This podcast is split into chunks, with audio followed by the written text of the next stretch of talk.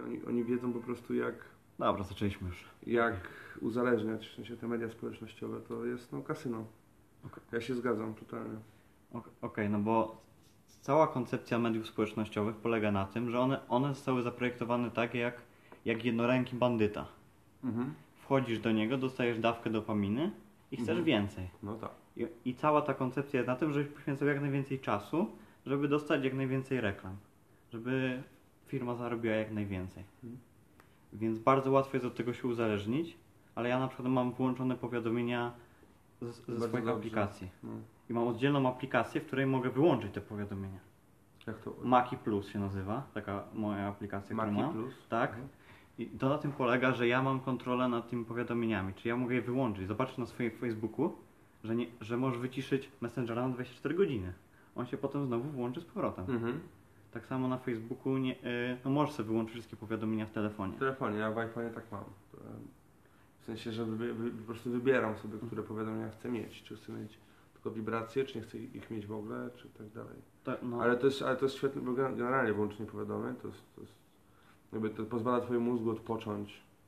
Najlepiej ja często robię tak, w sensie kiedyś robiłem tak, teraz już trochę jakby od tego odszedłem, z czego nie jestem do końca zadowolony, ale na noc włączać po prostu tryb samolotowy mhm. i włączać go dopiero po tym, jak odbędę całą tą swoją rutynę jakby poranka, wejdę w ten dzień i tak dalej i dopiero jakby ten e, te powiadomienia do mnie przychodzą dopiero wtedy, kiedy ja chcę, żeby do mnie przychodziły, a nie wtedy, kiedy ja robię coś innego i nagle mam, o, ktoś napisał, o, post na Facebooku, o, e, nie wiem, ktoś Mail. twoje zdjęcie na Instagramie. Do tej pory nie mam włączonych powiadomień na Instagramie, bo wiem, że tego po prostu byłoby za dużo. Wolę wejść tam raz na jakiś czas i to sprawdzić, ale z drugiej strony to jest to działa w ten sposób, że ja też jakby częściej wchodzę i sprawdzam, Mhm. czy coś dostałem. Więc mimowolnie, nie wiem, czy to działa, czy to jest na korzyść, czy nie. No generalnie, no. Trzeba się nauczyć po prostu z tym żyć, mam wrażenie. Z tymi, z tymi powiadomieniami. A, albo po prostu sprawdzać je raz na jakiś czas, tak jak, tak jak mówiłeś. Myślę, że ja jestem bardziej gotowy, my w naszym wieku jesteśmy bardziej gotowi na to. Jednak młodsi ludzie, oni są nieprzyzwyczajeni do tego, takiej ilości bodźców, które dostają. No, bo my jeszcze pamiętamy czasy, a to nie jest duża różnica wieku, umówmy się, no, No tak. to jest, to był przeskok raptem 10 lat, e, a czy nawet teraz 20, a my jeszcze, my jeszcze żyliśmy bez powiadomień. Jakby jak dorastaliśmy, okej, był pierwszy YouTube, był jakiś tam pierwszy gadu-gadu, to jakby były Nasza po, klasa. nasza klasa, to jest po, powiedzmy początek powiadomień Mhm. można powiedzieć, bo wtedy Facebook u nas w Polsce przynajmniej jeszcze nie był, nie był na tyle popularny. Eee, ale na co dzień nie miało się smartfona, nie żyło się z tymi powiadomieniami, tak? Jednym powiadomieniem był SMS, który najczęściej przychodził od Orange, no bo jakby, mówmy się. Tylko teraz pytanie, jaki to będzie miało wpływ wiesz, na tych ludzi teraz, jak, jak będziemy dorastać, w sensie, jak oni będą mieli poziom skupienia. Jakby to mnie bardzo interesuje. Ja Tak. chociaż nie czytałem żadnych badań na ten temat. ale- Okej, to ja się zapoznałem z badaniami. Jest cała taka książka Płytki Umysł, Mhm. ma Nicolasa Cara. Mhm. I ona po- pokazuje cały schemat na to, że po prostu e, my nie jesteśmy, na, nasze mózgi ewolucyjnie nie są przygotowane na taką ilość informacji Mhm. i coraz więcej muszą je, je filtrować i, i nasza uwaga jest rozproszona. No tak. Czyli pewnie masz, możesz mieć tak samo jak ja i ty mamy trudności z czytaniem książek, skupieniem się na jednej rzeczy Mhm. w ciągu, skupieniem się na jednej rzeczy po prostu Mhm. i wejść w tą głęboką pracę. Mhm, tak. To słyszałem o tym koncepcie tego całego deep work. No. Bo to jest Cal Newport, ma to też kolejną książkę.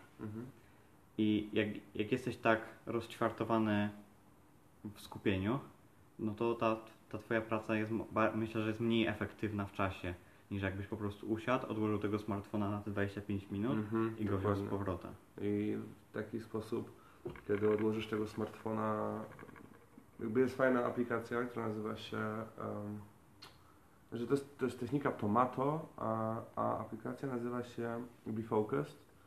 I to polega, ta aplikacja polega na ustaleniu sobie interwałów Mhm. E, I jest tak, że masz 25 minut pracy, 5 minut odpoczynku. Tylko e, kwestia jest taka, że najlepiej jest e, po prostu nie zaglądać w telefon, tylko nie wiem, przejść się, jak palić papierosa, zapalić papierosa, nie wiem, cokolwiek innego, co pozwala ci się odprężyć, e, zrobić 5 przysiadów, nie wiem, napić się wody, whatever. E, ale nie wychodzić jakby z tego momentu, kiedy coś robisz, bo wtedy jakby wy, wyciągasz swoją uwagę właśnie z, z tej pracy. Ja na przykład jak się uczę, to ta aplikacja to jest jakby, jak mam sesję, chociaż teraz no, wiadomo na, na naszej uczelni te egzaminy nie są jakieś bardzo wymagające, jeśli chodzi o siedzenie i wpływanie w książki. No tak. Ale no jakby udało mi się wszystko zdać za pierwszym, za pierwszym podejściem na poprzednim, w poprzednim roku. Nie używałem tej aplikacji i jakby ona mi dała naprawdę bardzo dużo. I jakby to dochodzi też kwestia pewnie tego, że wtedy więcej medytowałem niż teraz. Teraz jednak moja medytacja gdzieś tam w odstawkę. W ogóle moje życie się zmieniło. Jakbyśmy wygadali o tym samym Aha. jakieś, nie wiem, pół roku wcześniej, Okej. to jakby ja bym był takim totalnym straight edge'em, w sensie zero alkoholu, zero papierosów, tylko skupienie na e, jakby na na tej pracy, na tym rozwoju samego siebie, a teraz jednak zacząłem trochę bardziej korzystać z życia. Jakby gdzieś próbuję znaleźć ten złoty środek między Aha. tą pracą, a też tą zabawą, bo miałem zawsze tendencję przez całe życie do gdyby wrzucania się w, pewne, w pewnego rodzaju ekstrema, że albo nie, albo, albo tylko siedzę i, i zapierdalam, e, za przeproszeniem, albo, albo się bawię i jakby praca czy tam rozwój jest gdzieś tam e, w, Podstawka. po, w podstawkę. A teraz właśnie to, no, to, to zacząłem się uczyć właśnie tego, tego wypośrodkowania tego, żeby Mhm. nie skakać od samego, z samej góry na sam, na, na sam dół, tylko żeby to te skoki były takie powiedzmy Płynne? płynne i żeby one nie były aż tak drastyczne, Okej. jak były. Bo teraz zauważyłem taką tendencję w ogóle do wyrzucania siebie w ekstremum u wielu ludzi. No to teraz mamy nowy rok, tak? Więc Mhm. jakby ludzie po prostu mówią, że no idę na siłownię, tutaj zero tego, zero tego, zero tego, zero tego. I z własnego doświadczenia można wytrzymać długo. Można wytrzymać, e, jak masz dużo silnej woli i dużo jakby samodyscypliny, ale przychodzi w pewnym momencie taki moment, gdzie, gdzie masz dosyć i w momencie, kiedy masz dosyć i nie przeczekasz tego momentu, że masz dosyć i jakby zaraz znowu wróci, zaraz znowu wróci mi to, co...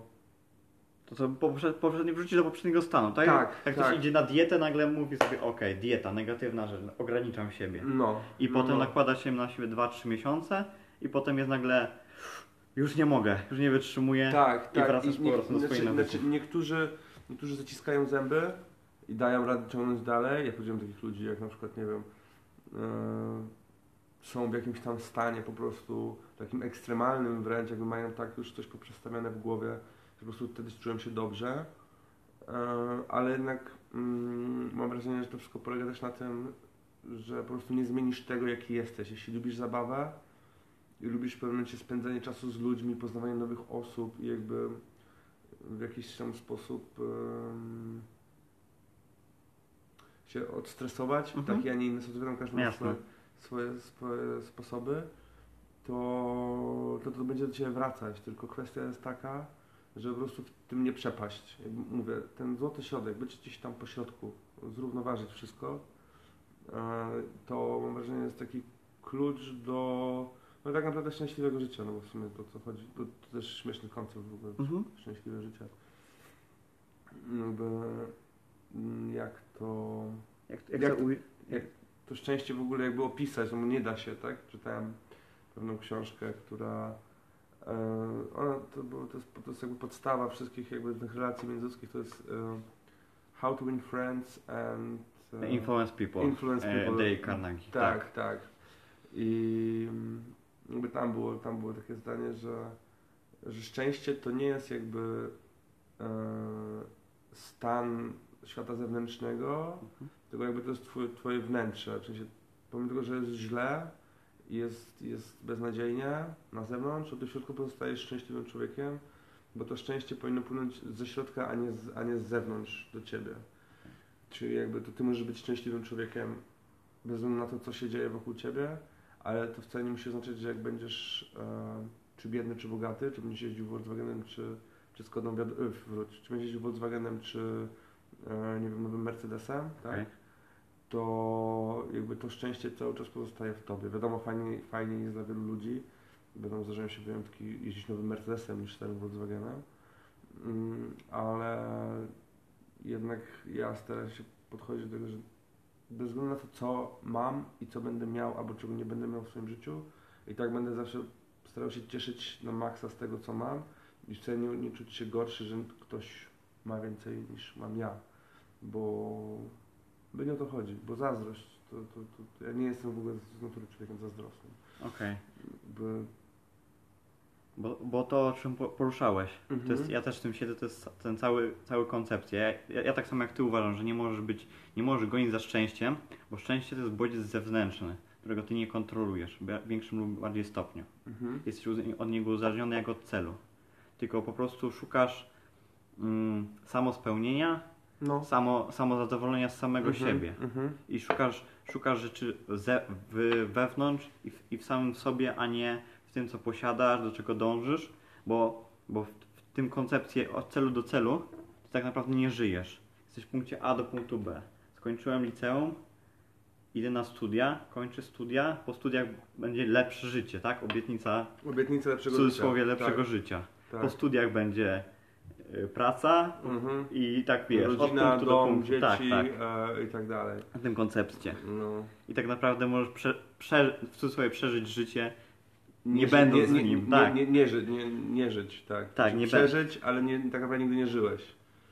No to jest e, właśnie a propos tego, tego, że punkt A, punkt B, liceum, studia i tak dalej. No ja sam e, rzuciłem studia Mhm. i poszedłem do szkoły filmowej, no bo stwierdziłem, że no właśnie dokładnie tak myślałem, jakby no okej, jakby co mam, ja mam dalej robić, jakby jestem na prawie, okej, drugi rok, no jakbym bardzo mocno się przyłożył, no to wiadomo, dałbym radę to zdać, chociaż ta nauka szła mi po prostu jak krew z nosa. Robiłem wszystko tylko, żeby się tego nie uczyć, bo mówiłem, że to jest beznadziejne i tragiczne. Okej. I któregoś razu przeczytałem, przeczytałem jeden poradnik tak naprawdę, e, porozmawiałem ze swoim dobrym kolegą e, i swoją drogą bardzo polecam książkę, książka nazywa się e, Filozofia Fuck It, Mhm. e, czyli po, po polsku to jest przetłumaczone na pieprze to. Tak. Generalnie polega to wszystko na tym, że dopóki ktoś nie umarł, Mhm. to tak naprawdę nic się nie stało. W sensie możesz zrobić wszystko, nawet y, nie wiem, tam jest taka śmieszna książka, w sensie to są obrazki, tam są różne sytuacje życia, na przykład, nie wiem, połóż zaśnij na łóżku, na łóżku w Ikea i, pieprz to, że ktoś się na to patrzy, ale tobie jest wygodnie, tak? Okej. Albo nie wiem, śpiewaj sobie co sobie chcesz na głos i, Mhm. i sobie śpiewaj, bo jakby nikogo, nikogo nie krzywdzisz tym, że to śpiewasz, a, a tobie to sprawia przyjemność, tak? I nie dbaj o to, co mówią inni ludzie, tylko rób tak, jak ty czujesz, żeby, żeby robić. No i wielu ludzi do mnie mówi, wow, że zrobiłeś to, rzuciłeś tą szkołę, Mhm. e, że w ogóle, w ogóle jaki jesteś odważny i tak dalej. Ja tak sobie myślę, że to nie wymagało ode mnie odwagi, w sensie ja wiedziałem, że muszę to zrobić, bo jeśli bym tego nie zrobił, to bym całe życie się męczył i nawet jeśli e, teraz życie filmowca, tam gdzieś ta moja odległa wizja, to jest jakby zakładam coś takiego, że mogę spać pod mostem któregoś razu i jakby Okej. jakby tak przy- cudzysłowie oczywiście i nie mieć żadnego zlecenia, to i tak wolę robić to, niż e, spędzać całe dnie w książkach nad, e, nad kodeksami, co nie mówię wcale, bo niektórzy ludzie czują zajawkę na to i czują, że to muszą zrobić. E, ale najgorsze jest to, kiedy, oni, kiedy ludzie tego nie czują i idą za tym, co mama ci powiedziała, tata ci tata powiedział, co zrobić ze swoim życiem. No i jakby wtedy zaczyna się problem, bo to już nie są twoje decyzje, tylko cały czas jesteś od kogoś zależny. A, a jednak jak chcesz z tego życia coś wynieść, mam wrażenie, no to musisz jednak zacząć słuchać bardziej siebie, a nie innych ludzi. Jakby mm, robić to, co ci, co ci tam serce podpowiada. Bo nie ma sensu, według mnie. Nie ma, nie ma sensu jakby bronić przez to i właśnie nie właśnie żyć, w sensie Mhm. przeżyć, ale tak naprawdę nie żyć. No tak. No. No bo tak naprawdę no, ktoś, ktoś projek, projektuje za ciebie to życie, No. czyli albo ty, czy ty spe, spę, e, spełniasz kogoś oczekiwania, albo podejmujesz samodzielnie decyzje. Mhm. I bez względu na to, czy podejmiesz decyzję, czy nie, to i tak świat idzie do przodu i wszystko się dzieje, tak? No tak. I to od ciebie zależy, czy kierunkujesz się, Mhm. czy idziesz po prostu z nurtem rzeki i płyniesz sobie, jak ktoś ci zaprojektował życie, tak? Tak, czy studia, nie dokładnie. studia, Dokładnie. rodzina, nie rodzina, dzieci, ich brat, albo religia, albo ich brak. Więc Mhm. to też jest ten koncept. Ja się spotkałem z drugą książką odnośnie tego fuck it, Mhm. to ona jest, ona jest w unfuck it. Aha. ten cały, widzę, że ten cały nurt w tej całej literaturze poradnikowej jest bardzo teraz Właśnie to, popularny. to, to coś, y, była taka jedna książka, e, w on, on, napisał, on napisał nową książkę, w sensie nie mówię, że ten od Mhm. Unpacket, tylko ten tego Packet, którego się słuchałem na Storytel, e, szukałem czegoś do, do, do posłuchania zamiast słuchać muzyki i właśnie patrzę, że jakaś nowa książka odnosi właśnie filozofii Facket. Nie pamiętam jak ona dokładnie się nazywała, ale jakby ona trochę powielała to, co ja tam jakby już przeczytałem, więc jakby nie dokończymy jej do końca. Bo według mnie w ogóle czytanie poradników jest w porządku do pierwszych trzech poradników odnośnie życia. Bo potem to wszystko jest, to jest tak naprawdę to samo, tylko napisane w inny sposób. Tak, to, za- to jest, dla mnie to jest gówno zapakowane w, inne opakowanie, bo No ja tak. się to wkręciłem, że wiesz, że, że potrzebuję być przygotowany na wszystko. I oczywiście mam na Kindlu i ładowałem sobie po kolei te poradniki, tak, poradniki. Tak, tak, Tylko to jest czytanie, to nie jest działanie. tak.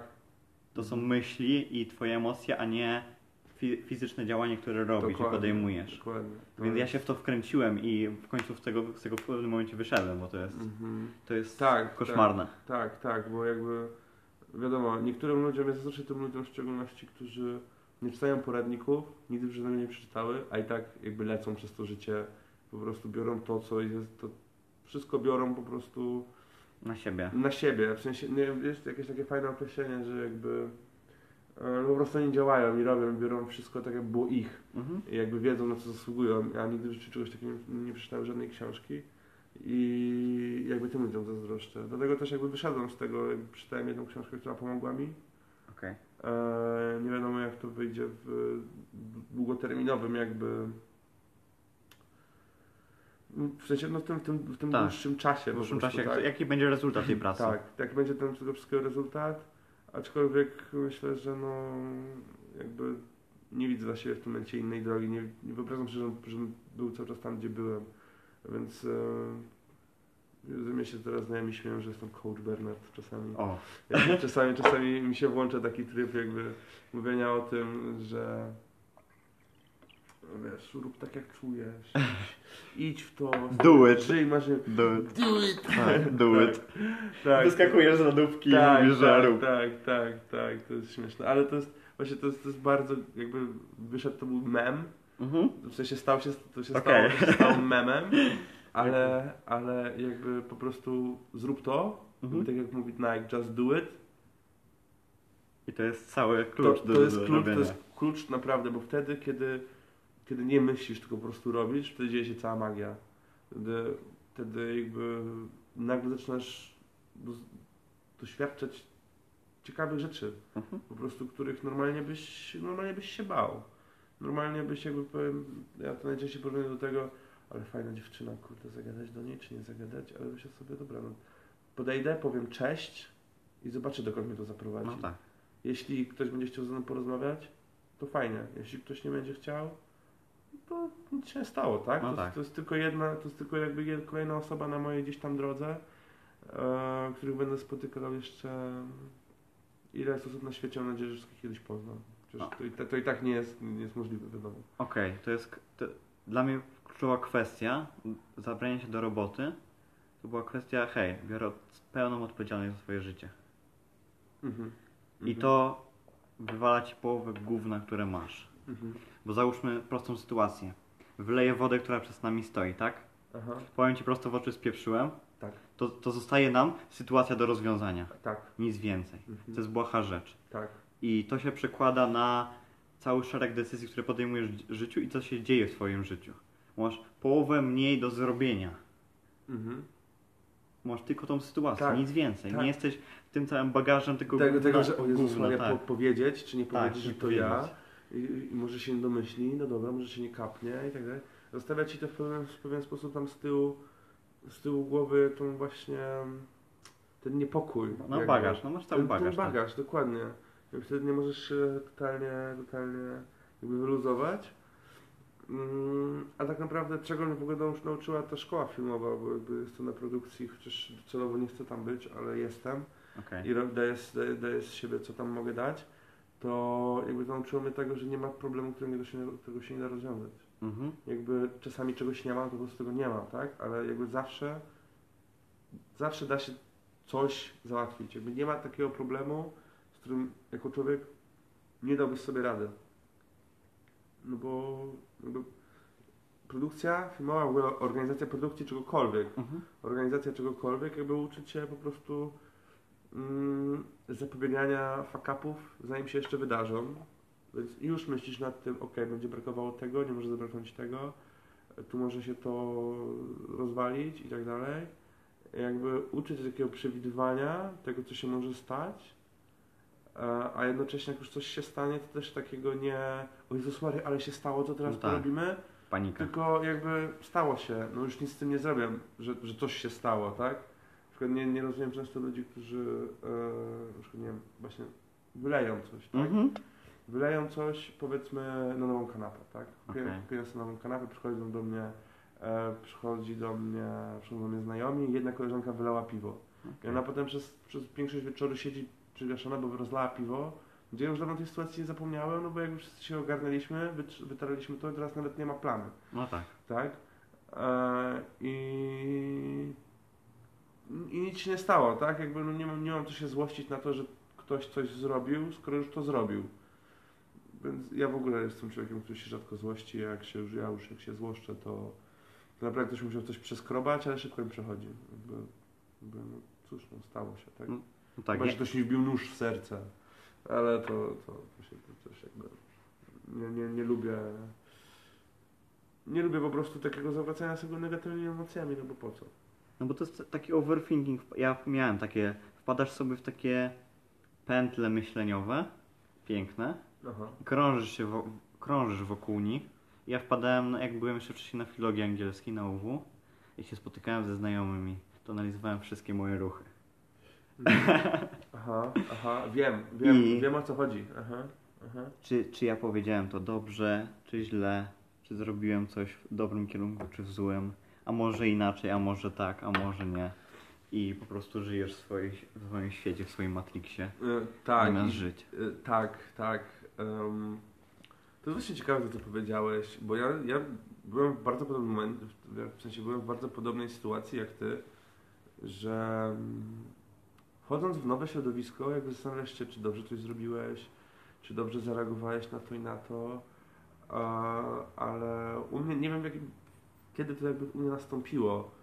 Ja po prostu zacząłem być szczery, Mhm. nie tylko ze sobą, ale z innymi ludźmi. Okej, Jeśli ktoś mnie denerwuje, to mówię, stary, denerwujesz mnie. dobra. Jeśli czuję się kimś dobrze, mówię, ale cię lubię. Okej. I... I wtedy zaczęło mi się żyć lepiej. Wtedy zaczęło mi się tak e, jakby nie myśleć o tym, e, o tym, czy robię coś dobrze. Nie oceniać bo, siebie. Nie oceniać siebie, z bo robię coś w zgodzie z samym sobą. Jeśli robię coś w zgodzie z samym sobą, to gdzieś mam, czy ktoś sobie pomyśli, ojej, ale zrobił w ogóle, jak on się ubrał, albo e, nie wiem, cokolwiek, cokolwiek, co, co mogłem zrobić, jakby nie potrafię teraz sobie, nie potrafię teraz wymyślić tego, co mogłem, co mogłem zrobić, ale każda osoba sobie jakieś tam myśli, tak, na przykład, nie wiem, zobaczyłem, jak się zachowuje, albo y, zobacz, jak on się do niej odezwał i tak dalej.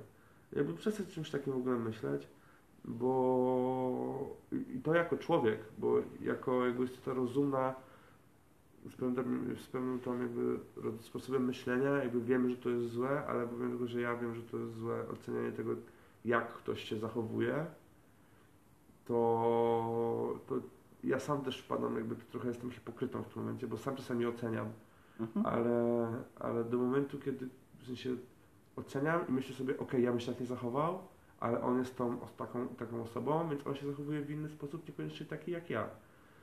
I, I to jest właśnie piękne, że każda osoba jest na ten swój sposób inna. I, i właśnie trzeba przestać to, tak jak wracając, bo trochę zszedłem z tematu, Mhm. Jasne, spoko. e, że Trzeba przez, lepiej, lepiej się wolę skupić na sobie, jak ty to, to wspomniałeś. tak, tak, tak, skupić się na sobie. Całkowicie na sobie Tak. i wtedy e, potrzeba akceptacji cała, cała znika, bo No. robisz rzeczy Tak, wewnątrz tak, siebie. tak. Poza tym y, pozbyć się czegoś takiego, wiele osób tak myśli, pozbyć się myślenia, czy oni polubią mnie, a raczej zacząć myśleć, czy ja polubię ich.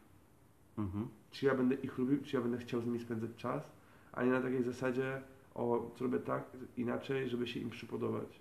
I jakby ja, i, i wtedy przyciągasz do siebie tylko takich ludzi, którzy są wartościowi i dobrzy dla ciebie, bo ty ich lubisz i czujesz się przy nich dobrze. I, I teraz w tym roku właśnie mam taką paczkę znajomych, Okej. dosyć, dosyć e, nie, nie, nie jakąś bardzo dużą, No tak. ale są jakby my jesteśmy dla siebie bardzo bliscy i, i czujemy się ze sobą świetnie, bo możemy powiedzieć wszystko. Nikt nie, nikt nie czuje się jakiś tam e, gorszy, Okej. nikt nie, nie wiem, nie musi się bać, żeby cokolwiek powiedzieć, o czymkolwiek pogadać. I, I to wszystko wyszło właśnie z tego, że ja przestałem jakby chcieć przypodobać się komuś, tylko żeby, nie wiem, żebym ja polubił kogoś. Na takiej zasadzie. Okej. Bo tylko wtedy, ja przynajmniej takie wrażenie, że jak ktoś próbuje mi się przypodobać na siłę, to ja... Ty to widzisz po pierwsze, odczuwasz to. E, e, Rap, tak, tak. Raz, że to widzę, E, dwa, że to sprawia, że po prostu takiej osoby nie będę szanował w pewien sposób, jakby nie będę, nie będę jej mieszał z błotem, tak? mhm. Ale jakby kiedy ktoś jest takim... takim Flexible, nie wiem. Nie, nawet nie takim pod, podpierdkiem, jakby nie wiem, czy to, czy to, to jakby zrozumiałe jest to, co, to, co tutaj powiedziałem. Eee, w sensie... Kto jest kameleonem? Dostosowuje na, na, na, się? na przykład, a chociaż każdy z nas jest w pewien sposób No kameleonem, jest. bo, bo ja też jestem, jakby ja też się potrafię odnaleźć w wielu, w wielu sytuacjach z różnymi ludźmi i to jest jakby taki skill, który mam nabyty od po prostu od dzieciństwa, eee, ale eee, bo wiadomo, wokół innych ludzi też się inaczej, inaczej zachowywał. Tak, no. Tylko najważniejsze jest to, żeby cały czas w zgodzie ze sobą. Jakby dla mnie też jakby taką kolejną bardzo ważną rzeczą, której mam wrażenie wiele osób nie rozumie, to jest to, żeby umieć mówić nie. W sensie być asertywnym. Tak, Mhm. jakby Odmawiać, tak. Odmawiać. Bo w momencie, kiedy boisz się powiedzieć nie komuś, bo nie chcesz, żeby tej osobie zrobiło się przykro, no to jakby nie szanujesz sam siebie, no bo ty nie chcesz czegoś robić, a mówisz, że coś zrobisz, i wtedy nie czujesz się szczęśliwy i ta praca nie będzie na tyle, na tyle dobrze jakby zrobiona i, i po prostu no, też sprawi, że ludzie będą cię wykorzystywać, tak? Mhm. A to, że komuś powiesz nie, wcale nie, nie będzie od razu oznaczało, że e, ktoś nie będzie cię lubił, tak? Bo powiedziałeś nie, bo, bo nie możesz, tak? Jeśli on cię przestanie lubić, znaczy, że nie jest dla ciebie, tak? W sensie nie, znaczy, że on nie jest warty tego, żeby cię zrozumieć, żeby w sensie nie, żeby cię zrozumieć. Um, Się w tym, co chciałem powiedzieć. Okej, ja, ja, sp- ja spróbuję No. Cię nakierować. Aha. To jest, to jest kwestia tego, że sz- może szukamy osób, które mają podobne wartości, jak wspominałeś na jednym z Twoich wpisów.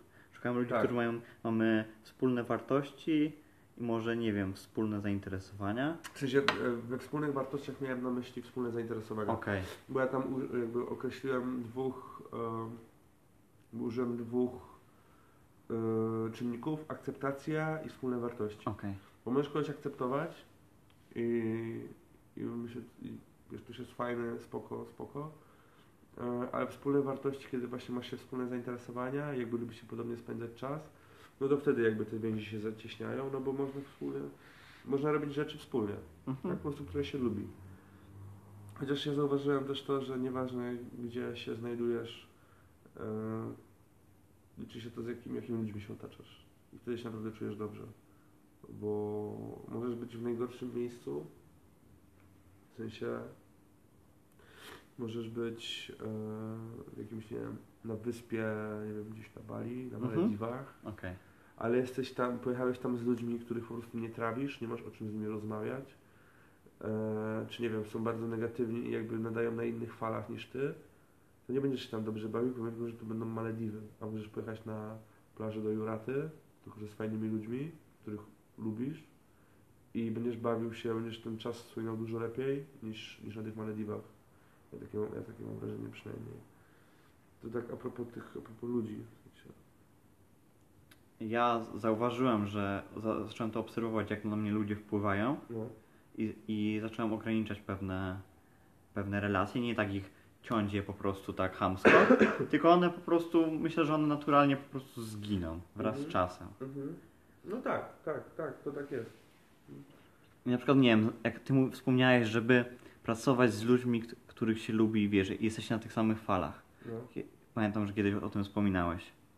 to, to ja na przykład znalazłem osobę, która mamy wspólne zainteresowania, jednak poglądowo się zderzamy zupełnie Mhm. i to dalej nie idzie, wiesz, relacja nie idzie dalej do przodu. Nawet jak ja chcę i wychodzę z założenia, że, że ja ponoszę pełną odpowiedzialność za wszystkie moje relacje, to ja, ja mogę pchać, ale to dalej nie pójdzie. No bo nie można pchać.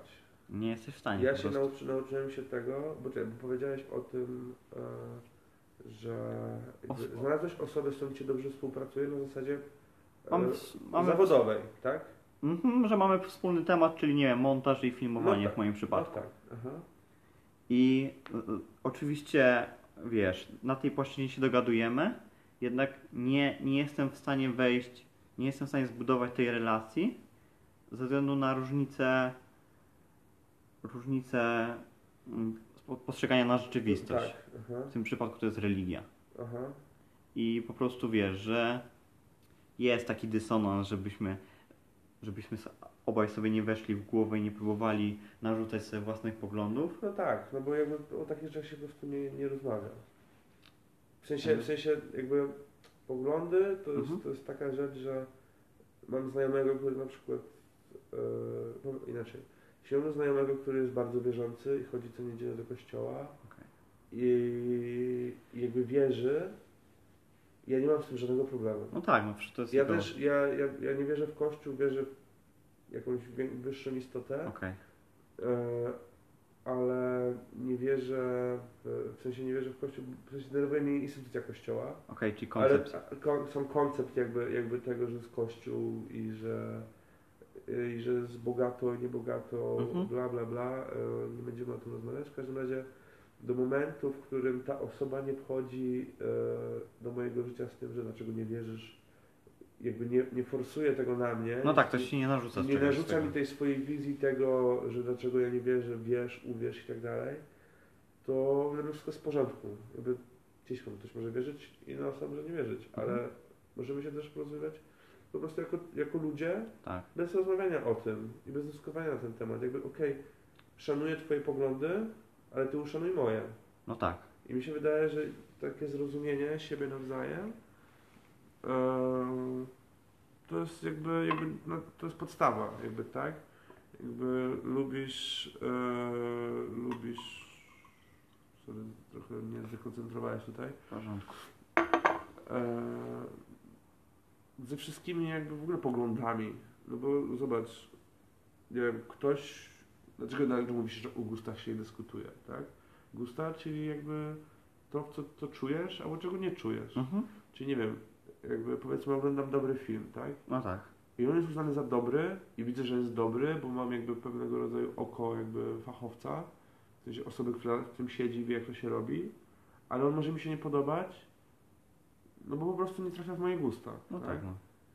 I jakby nie ma co mówić wtedy. Najgorsze jest to, że ktoś na przykład obejrzy ten film razem ze mną i na przykład mi się będzie bardzo podobał, a jemu się nie będzie podobał i on będzie od razu mówił, że ten film jest zły i beznadziejny. A ja mówię wtedy jakby, okej, ten film może być zły i beznadziejny, w sensie nie, ten film na pewno nie jest zły i beznadziejny, on ci się po prostu nie podobał, jakby nie trafił w swoje gusta. Ostatnio oglądałem film, e, jakby, to jest film o piesku, Okej. Spoko. Nazywa się, to, jest- to, jest historia, to jest prawdziwa historia, nazywa się Mój przyjaciel Hachiko.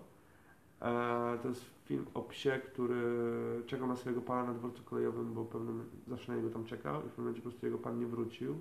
I on przez 9 lat czekał na tego swojego psa codziennie e, na dworcu w Shibui w Tokio, dworcu Shibuya Tokio. E, I jakby ten film był strasznie zrealizowany. W sensie, on był, to, to był słaby film, który bardzo mi się podobał, w sensie bardzo mnie poruszył. To jaką tematykę poruszał, tak? Bo ja jak widzę zwierzęta i w ogóle to ja uwielbiam i oczywiście zalewam się całymi łzami i nie wstydzę się o tym mówić. E, ale jakby no fakt faktem film był no po prostu słaby i ja rozumiem to, jeśli ktoś powie, że potrafi powiedzieć, że coś jest słabe, ale to wcale nie musi oznaczać, że mi się to nie będzie podobać. I jakby też znowu wyszedłem jakby poza, poza jakby to, te, te, te, relacje. E, po prostu no chodzi o to, mam wrażenie, że, że akceptować swoje poglądy, Mhm. ale nie forsować tego, że, o właśnie, wracając do tego, że ktoś będzie mówił, nie, ten film jest beznadziejny, nie, w ogóle, w ogóle sobie, dlaczego ci to, to, to się tak podoba? On mówi, okej, może być słaby, ale mi się podobał. Mhm. I jakby to jest mój gust. I i nie zmienisz mojego zdania tym, że tobie się to nie podobało. Nie zmienisz tego, że mi się ten film podobał, że tobie się, bo tobie się nie podobał. W sensie mocno maślane, ale, ale, ale w ten deseń. Jakby tak samo jest z wiarą i ze wszystkimi innymi poglądami, czy to na LGBT, czy, czy na aborcję, czy na chociaż dobra aborcja, to nie, nie wchodźmy na ten temat, bo to też jest jakby, jakby inna rzecz, bo tu dochodzi kwestia moralności. Ale no powiedzmy to LGBT, tak? Jedne osoby, osoby szanują, nie są, ale jakby szanują, że, że są osoby odmiennej orientacji seksualnej i to jest w porządku. Jak ktoś kocha, to, to, to jest miłość, tak? Jakby No to tak, jest- love is love. Love is love, to jest uczucie, jakby nieważne, czy to między mężczyzną a mężczyzną, kobietą a kobietą, czy między kobietą a mężczyzną. To po prostu jakby jeśli komuś się to nie podoba, no to tylko on może cierpieć na tym, że jakby nie, nie jest na tyle otwarty, że jest na tyle ograniczony, że nie przyjmuje do wiadomości tego, że czyjaś, że ktoś inny też ma w pewien sposób rację. Mhm. W sensie, że, że to jego, ten jego światopogląd taki bardzo ograniczony, jakiś zamknięty na jakieś inne rzeczy, jakby nie pozwala mu e, nie pozwala mu jakby totalnie się otworzyć na ludzi Okej. i na to, kto tak, tak naprawdę jest, bo ma pewne uprzedzenia, które nie pozwalają mu jakby przejść dalej tej relacji, bo on nie będzie się na przykład kolegował z osobą, która powiedzmy głosuje na wiem, partię razem, Okej. albo on głosuje na konfederację, tak? Czy teraz to chyba się pomieszało, nie siedzę w polityce, ale jakby czaisz Mhm. koncept. Jakby- koncepcję. No, jakby to mnie bardzo denerwuje w ludziach, że, że, że mają te właśnie te uprzedzenia takie. Ja myślę, że to o, o tym wszystkim, co wspomniałeś, to jest kwestia, że nie wiem, czy, nie wiem, czy w Polsce, czy w słowiańskiej kulturze mamy kwestię przekonania taką, że albo dominuje, albo dominujesz swoimi poglądami i wpychasz komuś je w gardło, Aha. albo ich wcale nie masz. Czyli No. jest takie na, na, żyjesz na zasadzie dwóch skrajności. Aha. Że nie ma tej całej kultury dyskusji, którą nie wiem, możesz zobaczyć czy w mediach, czy nie, No, poza, poza nią. Albo, albo narzucamy tobie swoje poglądy na siłę i, ty- i ty albo się bronisz, albo, albo odchodzimy. Albo w ogóle nie dyskutujemy wcale. To też już jest ta, dla mnie też kolejna skrajność, tak? Aha. Bo wychodzę z założenia, że możesz dyskutować na jakikolwiek temat, jaki to by nie był. Tylko, że to wymaga z dwóch stron Mhm. zachowania poziomu, poziomu kultury, że Tak. ja mam swoje Mhm. poglądy, wygłaszam je, ty masz swoje poglądy, dobra. Tu jest ten moment, w, który, w którym my wiemy, jakie mamy poglądy, a, a żadna strona nie próbuje pchać. Aha, swoich tak, poglądów na tak, drugą tak, stronę. Tak, mhm. I to jest ten, myślę, że kluczowy moment, że okej, patrzymy inaczej na daną sprawę, jednak jest wszystko okej, no bo zachowujemy ten poziom dyskusji i nie, nie skaczemy sobie do gardeł, ani nie bierzemy się za noże i się nie tak. próbujemy dobić wzajemnie. No. To jest kwestia tego. Ja osobiście lubię dyskusje na różne tematy, oczywiście nie, nie tam polityczne, bo jakby na tym się nie znam, więc jakby nie, nie, nie wypowiadam się na ten temat, ale jakby nie mam nic do dodania do tego, co powiedziałeś, że po prostu nie ma co, mm, w sensie jak się dyskutuje, to żeby nie starać się kogoś na siłę przekonać do swoich poglądów, tylko dyskusja wtedy jest fajna, kiedy okej, ja mam swój pogląd, ty masz swój pogląd i nie, nie będę cię na siłę przekonywał do tego, że, że mój jest lepszy niż twój. Znaczy, według mnie mój jest lepszy niż twój. Ale ty masz swoje powody, dla, którego, dla których możesz myśleć, że twój jest lepszy niż mój. I jakby można wymieniać się argumentami, ale nie próbować siebie w jakiś tam sposób przekonać. Yy, chociaż i tak zawsze w dyskusji, zawsze która jest ze strony jakby mam wrażenie, że w pewnym momencie musi wygrać, no bo to jednak jest jakaś tam walka.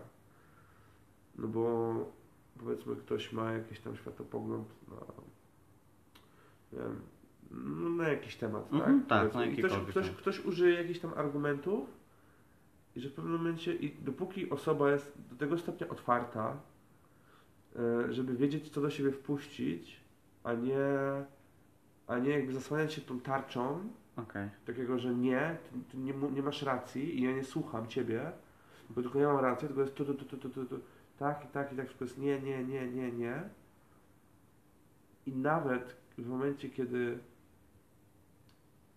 jakby przyznać się do tego, że się przegrało powiedzmy dyskusję, tak? Okej. Powiedzmy, ktoś powie na przykład jakieś zdanie w dyskusji i ty sobie pomyślisz, okej, w sumie zgadzam się z tym, w sumie on ma rację. I jakby, i to jest złe, że, że, że ty jakby zmieniasz swoje poglądy, bo po dyskusji z kimś jakby nagle, nagle spojrzałeś na, na problem z innej strony i, jakby mm, Okej, roz, roz, rozumiem o co chodzi, bo, bo to, to jest wy, wyjście z koncepcji stoickiej, w której ja siedzę. aha, Czyli dopuszczasz myśli i poglądy innych ludzi i w cudzysłowie możesz się nauczyć czegoś od wroga. no tak, Czyli druga strona może znaleźć, yy, nie wiem, argumenty albo widzi w coś rzeczywistość w, w dany sposób, który ty tego nie, nie widziałeś. I możesz się przez to nauczyć. To jest wszystko kwestia, dokładnie, jak interpretujesz rzeczywistość i, i kogo do siebie dopuszczasz. aha, Bo jak jesteś reaktywny i wpuszczasz wszystkich, no to zaczynasz zachowywać się tak jak oni na tym samym. Oni cię sprowadzają do tego samego poziomu, aha, no i już nie ma, nie ma różnicy, tak? tak, dokładnie, A, a jeśli ty zdecydujesz, że wpuszczasz, naj, nie wiem, na przykład najbliższą swoją rodzinę do głowy, a reszty nie wpuszczasz, to nikt nie jest w stanie cię psychicznie zranić. Bo to po prostu to w ciebie nie wchodzi, nie, nie, może nie to, że nie dociera, jednak patrzysz na to i nie reagujesz na to automatycznie po prostu mózgiem, tylko analizujesz to, patrzysz na siebie z, z trzeciej osoby i, i w pewien sposób przyglądasz się temu, patrzysz na to z ki- kilku stron i okej, dobra. I możesz przyjąć ten pogląd albo nie, albo próbować wch- wchodzić w dyskusję z kimś innym. Sensie nie do końca rozumiem, co. Jakby, Co mam na myśli? Co masz na myśli? W sensie z, tą rodziną, tak? Okej. Jakby, że jak to, że puszczasz swoją, swoją rodzinę. Do, Tak? do, do pewnego stopnia do swojej głowy, czyli ktoś może cię skrytykować i ty, i ty bierzesz to w dużym stopniu pod uwagę i patrzysz na to.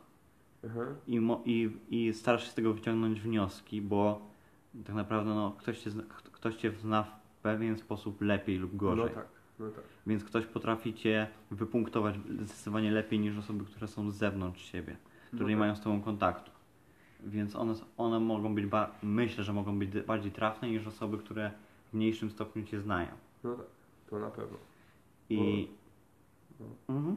Nie, no bo jak ktoś, kto, ktoś cię dobrze zna, to czasami jakby przez to, że patrzy na ciebie z boku, to ma się czasami wrażenie, że ktoś zna cię lepiej niż ty sam siebie.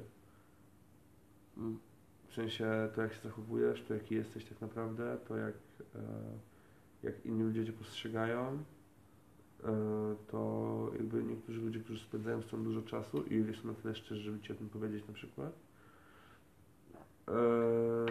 no to ja osobiście lubię, lubię takie, takie rzeczy, w sensie takie, takie relacje, gdzie ktoś mnie zna lepiej niż ja sam siebie czasami.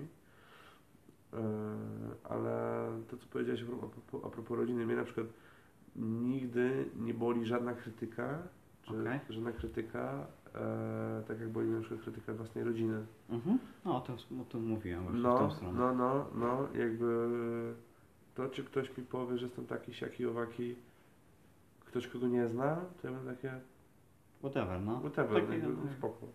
Ale w momencie, kiedy mówi mi to rodzina, to jestem taki, no, boli, Boli, no. Boli. To boli. boli, no po prostu, jakby nie ma... Nie ma, nie ma z tym dyskusji tak naprawdę. Tak, tak, dokładnie. Chociaż ja mam wrażenie, że to nawet w rodzinie jakby, po- można wypracować sobie coś takiego, że po prostu w pewien sposób przestać siebie oceniać. Okay. no wiadomo, wszystko robimy dla swojego dobra, tak? Jeśli rodzina się kocha i nie jest z pogranicza tam jakiejś e, inteligencji, czy e, w- patologii. Patologii, patologii Tak, od razu, od razu o tym pomyślałem, nie? Od razu, O twoim tele- tak, który tak, od razu o tym pomyślałem i jakby nie chciałem tego powiedzieć, pomyślałem. Śmiesznie.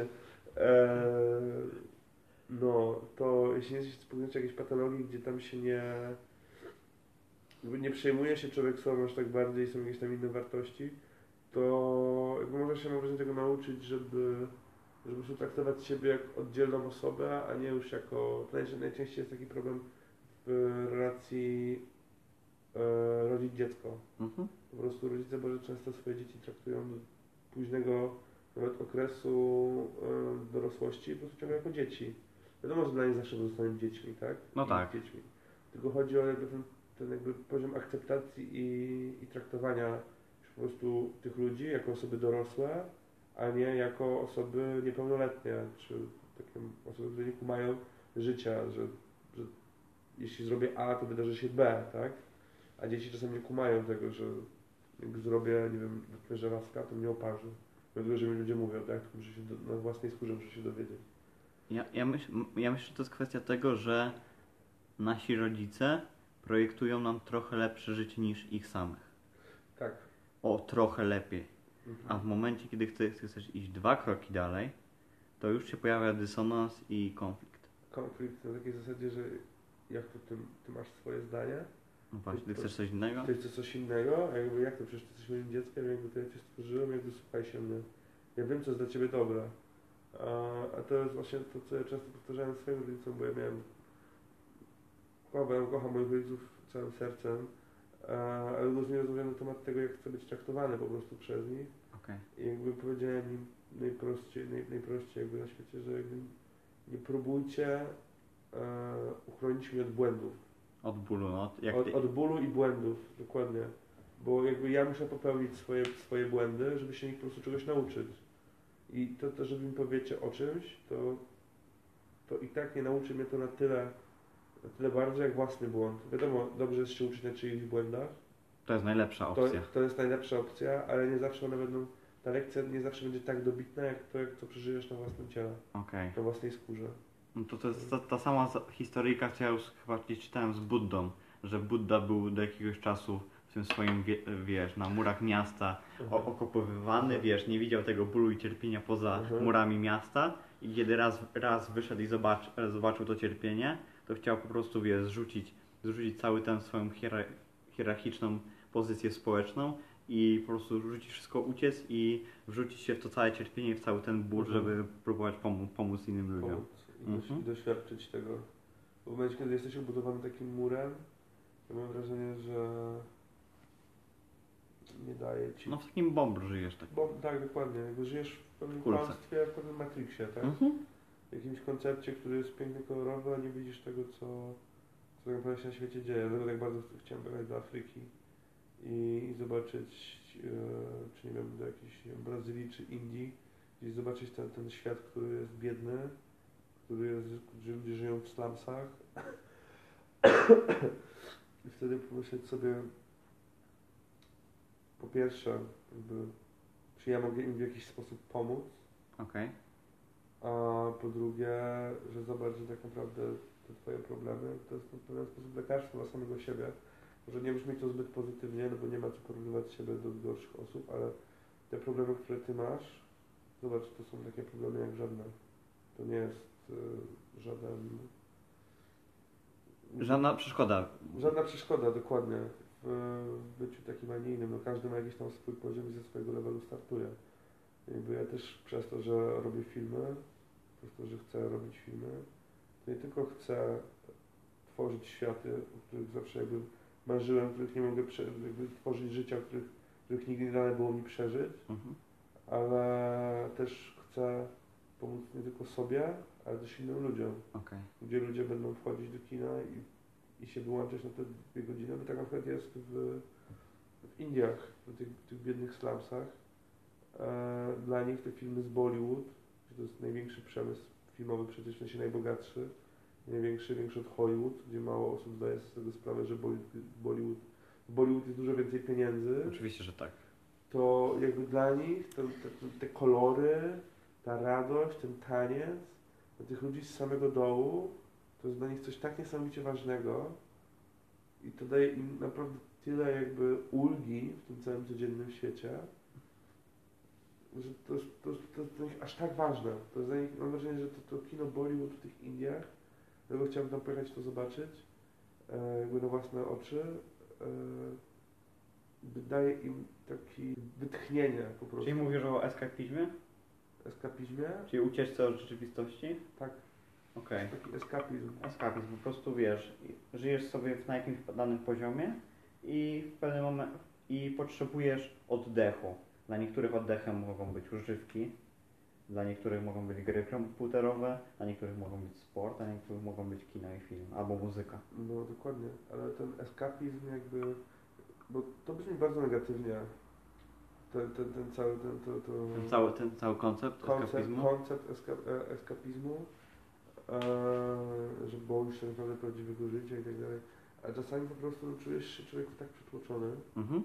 wszystkim, że no potrzebujesz czasami, kurde, włączyć konsolę, czy nie wiem, odpalić Netflixa i, i przeżyć po prostu coś innego, jakby, jakby wyłączyć się z tego, tego życia, bo potem jak wracasz do niego, bo właśnie to jest ten problem.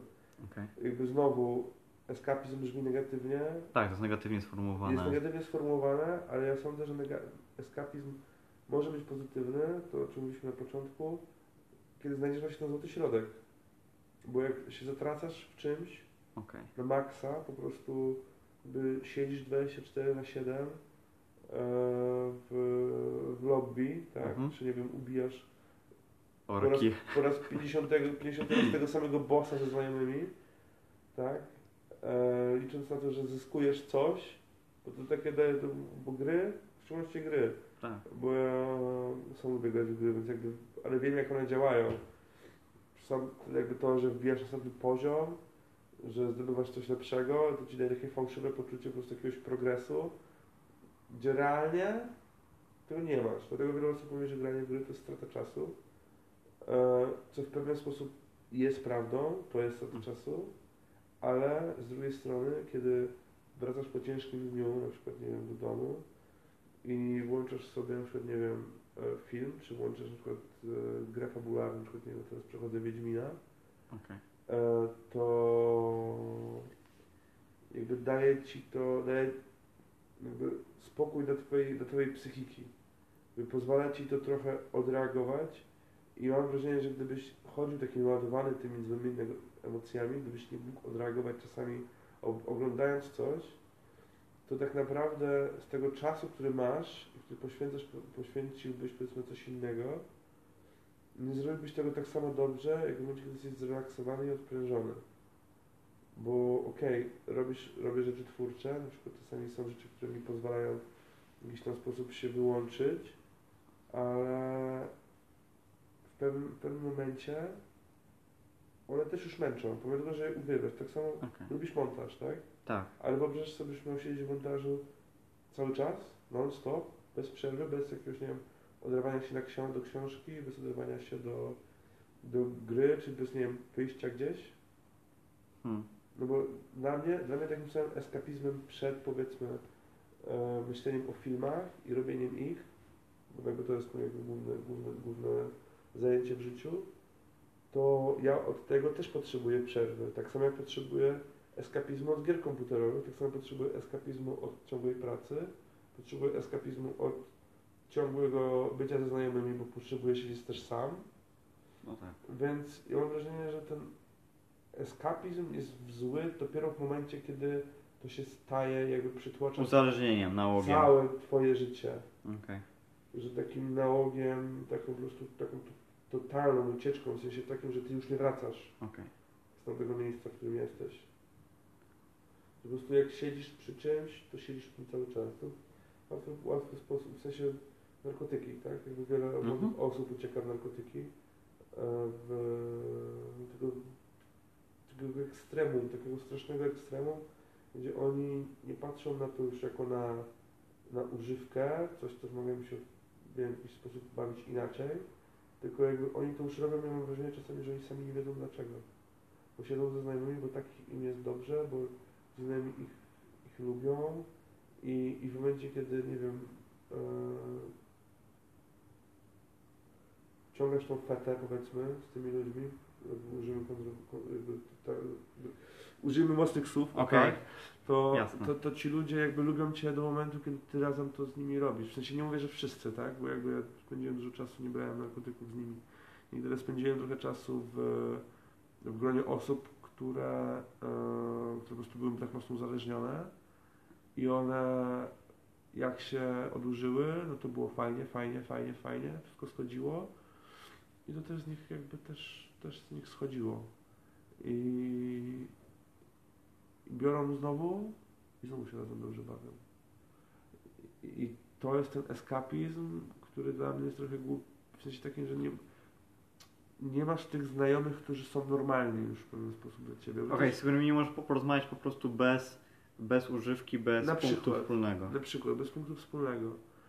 I, I tu jakby wracamy znowu do, do tego, o czym ja pisałem ten cały tekst a propos ludzi, to, że ci ludzie, jakby to, z kim przebywasz, jakby adaptujesz ich do siebie, w sensie adaptujesz jakby siebie do nich, w sensie nazywam takim zabieraniem niektórych rzeczy od innych ludzi, Okej. mimo jakby mimo woli, bo zawsze z kim przebywam, to staję się w pewien sposób podobną osobą do niej. Nie wiem, czy powiem coś w podobny sposób, czy... czy Asymilujesz się po prostu. Asym, no, no, no, dokładnie. Eee, no i chodzi o to, że ja mam wrażenie, że cały właśnie ten, jakby ten, ten, ten problem niektórych ludzi polega na tym, że oni po prostu szukają ujścia do emocji, niektórzy szukają w ludziach. No przede wszystkim jakby dlaczego gry na przykład MMO Mhm. tak uzależniają No bo są iluzją rzeczywistości, iluzją, iluzją osiągnięcia. iluzją osiągnięcia, iluzją, iluzją rzeczywistości i są tam też ludzie. Którzy Inni. cię mogą akceptować, którzy, którzy cię mogą, którzy, którzy cię nie widzą, tam kreujesz swoją własną postać i powiedzmy jesteś yy, lordem jakiś tam. Masz kontrolę. Masz kontrolę tym, Pełną. jesteś. I tam ludzie akceptują cię już, już bardziej na takiej zasadzie. Okej, są ludzie, którzy wchodzą i tam są po prostu szczerzy, gadają sobie normalnie jakby według e, tego, jak tam są, a są też ludzie, którzy mam wrażenie grają i, i, i tak się mega wczuwają w tą postać, jakby w ten świat i tak dalej. Wcześniej nigdy taki nie byłem, zawsze wchodziłem bardziej realnie do, do, do gier, ale no tam też są ludzie i to ci ludzie sprawiają, czy ty czy bawisz się dobrze, czy jest ci lepiej, gorzej i tak dalej. Bo jak się izolujesz na ludzi, no to, no to idzie ogłupieć, tak? Chociaż może ja tak mówię ze swojej perspektywy, może ktoś się może za mnie zgadzać, no bo ja jestem raczej osobą ekstrawertyczną, Mhm. chociaż uwielbiam siedzieć sam. To Okej. jest jakby, ten, jakby to jest ten problem. Jestem w dużej mierze ekstrawertykiem, ale też w pewien sposób introwertykiem, ale myślę, że każda osoba tak ma. Nikt nie jest jakby czarny albo biały. Okej. No ja jestem zupełnie odwrotnie, jestem totalnie introwertyczny. Ja, ja mam, ja jestem kontrol, control freakiem i, pod, i Jak? Kim jesteś? kont, control freakiem. Lubię Okej. kontrolować sytuację. Okej. I myślę, że jak, jak, jak jesteś w stanie zadawać dobre pytania, to ty kierujesz całą dyskusją. I przy, przy, przy jednej osobie, przy, na przykład przy rozmowie z nami, Aha. ja się czuję świetnie, a przy, przy dużym gronie ludzi poja, po, pojawia się wyzwanie, że, potrze, że, nie, że potrzebujesz sobie, wy, potrzebujesz sobie wyizolować wszystkich i skupić się na jednej osobie i z, nią prowadzić Wiem. dyskusję. Wiem, wiem, wiem, wiem o czym mówisz, bo to jest śmieszne, jakby ja też miałem taką, taką taki, taki kiedyś moment w swoim życiu, że dziwnie się czułem w gronie wielu osób. W sensie potrafiłem z kimś rozmawiać face to face, w sensie poz- poznać kogoś, zapytać się o tą osobę i tak dalej. A jak nagle pojawiało się grono większej ilości osób, to byłem czymś taki przytłoczony. Ale ja zauważyłem, że jakby trzeba się po prostu nauczyć jakby w pewien sposób rozmawiania o rzeczach takich błahych. Small talk. Taki small talk. Mhm, takie Tak, tak. jakby- gadanie o gadaniu. Tak, tak. Okay. Taka gadka, gadka szmatka. Okej. Small talk, tak. Dokładnie, dokładnie tak. Ty masz satysfakcję z tego small talku, ja nie potrafię żadnej satysfakcji z tego wybrać. Ja ostatnio, jest... ostatnio dopiero zacząłem czerpać Okej. radość ze small talku. E, właśnie jak byłem, miałem, byłem na Sylwestrze, to jakby zawsze jest postawienie noworoczne i w Okej. ogóle, i, w ogóle e, i ja mam jedno postawienie noworoczne, po prostu będę więcej rozmawiał z ludźmi, będę po prostu więcej small talku używał, Okej. takiej, takiej prostej gadki, e, bo nie wiadomo dokąd to zaprowadzi. No W tak. sensie, w sensie mogę, napra- mogę zacząć od small talku, ale mogę tak naprawdę przejść do takiego naprawdę mocnego deep talku, tylko i wyłącznie na to, że ktoś powie coś tam, a mnie na przykład to zainteresuje w tej osobie. I, i nauczyłem się tego dopiero dosyć, dosyć niedawno, w sensie cały czas się uczę, cały czas Okej. staram się jakby to w sobie rozwijać, no bo dla mnie poznawanie ludzi jest najciekawsze chyba, to jest dla mnie najciekawsza rzecz w ogóle na tym świecie. Poznawanie różnych ludzi. Myślę, że ten small talk jest potrzebny, żeby po prostu nie, nie wejść od razu, wiesz, z grubej rury. Kimś na przykład w temat, nie wiem, religii, No tak. aborcji, No tak. polityki, No hej, tak, no tak, razu. jesteś zapisany za PO, a tak wchodzisz Nie, z kimś i, nie, nie, i, nie, nie, i wiesz, dostajesz takiego, wiesz, bitch slap w twarz. Okej, dobra, to się dalej nagrywa. Wspo- wsp- wspomnieliśmy, zauważyłem, że mówisz o problemach. Aha. I, I tak samo jak ty mi zwróciłeś uwagę, że eskapizm jest negatywnym koncept, całą koncepcją, Aha. negatywnym słowem, to tak samo dla mnie pro, sam problem jest negatywny. I, i ja, wysz, jak już wyszłem z tego założenia, że biorę pełną odpowiedzialność za swoje życie, to w, w książce Tima Groovera Re, Re, e, Relentless jest, jest cała opcja, że, że w życiu nie ma problemów. Że, są, że w momencie, kiedy bierzesz odpowiedzialność za swoje życie, to są sytuacje tylko do rozwiązania. No tak. I porażką jest tylko opcja wtedy, kiedy oddajesz odpowiedzialność za swoje życie innym albo otoczeniu. No tak. I dla mnie to było po prostu obracając całą sytuację 180 stopni. Że nie, nie, nie, nie po prostu nie kreujesz sobie w samej głowie tej rzeczywistości, czy ona jest negatywna czy pozytywna, tylko skupiasz się na działaniu i na danych rzeczach, które cię wpadają. Tak jak szukałem do ciebie wejścia przez godzinę, to też już byłem na skraju prawie że załamania, że okej, dobra, ale dobra, rozwiążemy to. Okej, szukałem, szukałem i w końcu jakoś, jakoś do Ciebie dotarłem. A jakbym nazwał, że to jest problem, to już, to już, był, był, to już było w mojej głowie nastawienie negatywne i już była panika i po prostu coraz narastająca, coraz, narastający po prostu stres związany z tym. No tak, ale to jest w wielu. By to jest taki bardzo błahy powód, błahy przykład, że po prostu nie mogłeś Mhm. trafić do konkretnego bloku. No tak. Ale to po prostu jakby w każdym momencie, z, z każdym pro, problemem Mhm. zmienia się po prostu skala.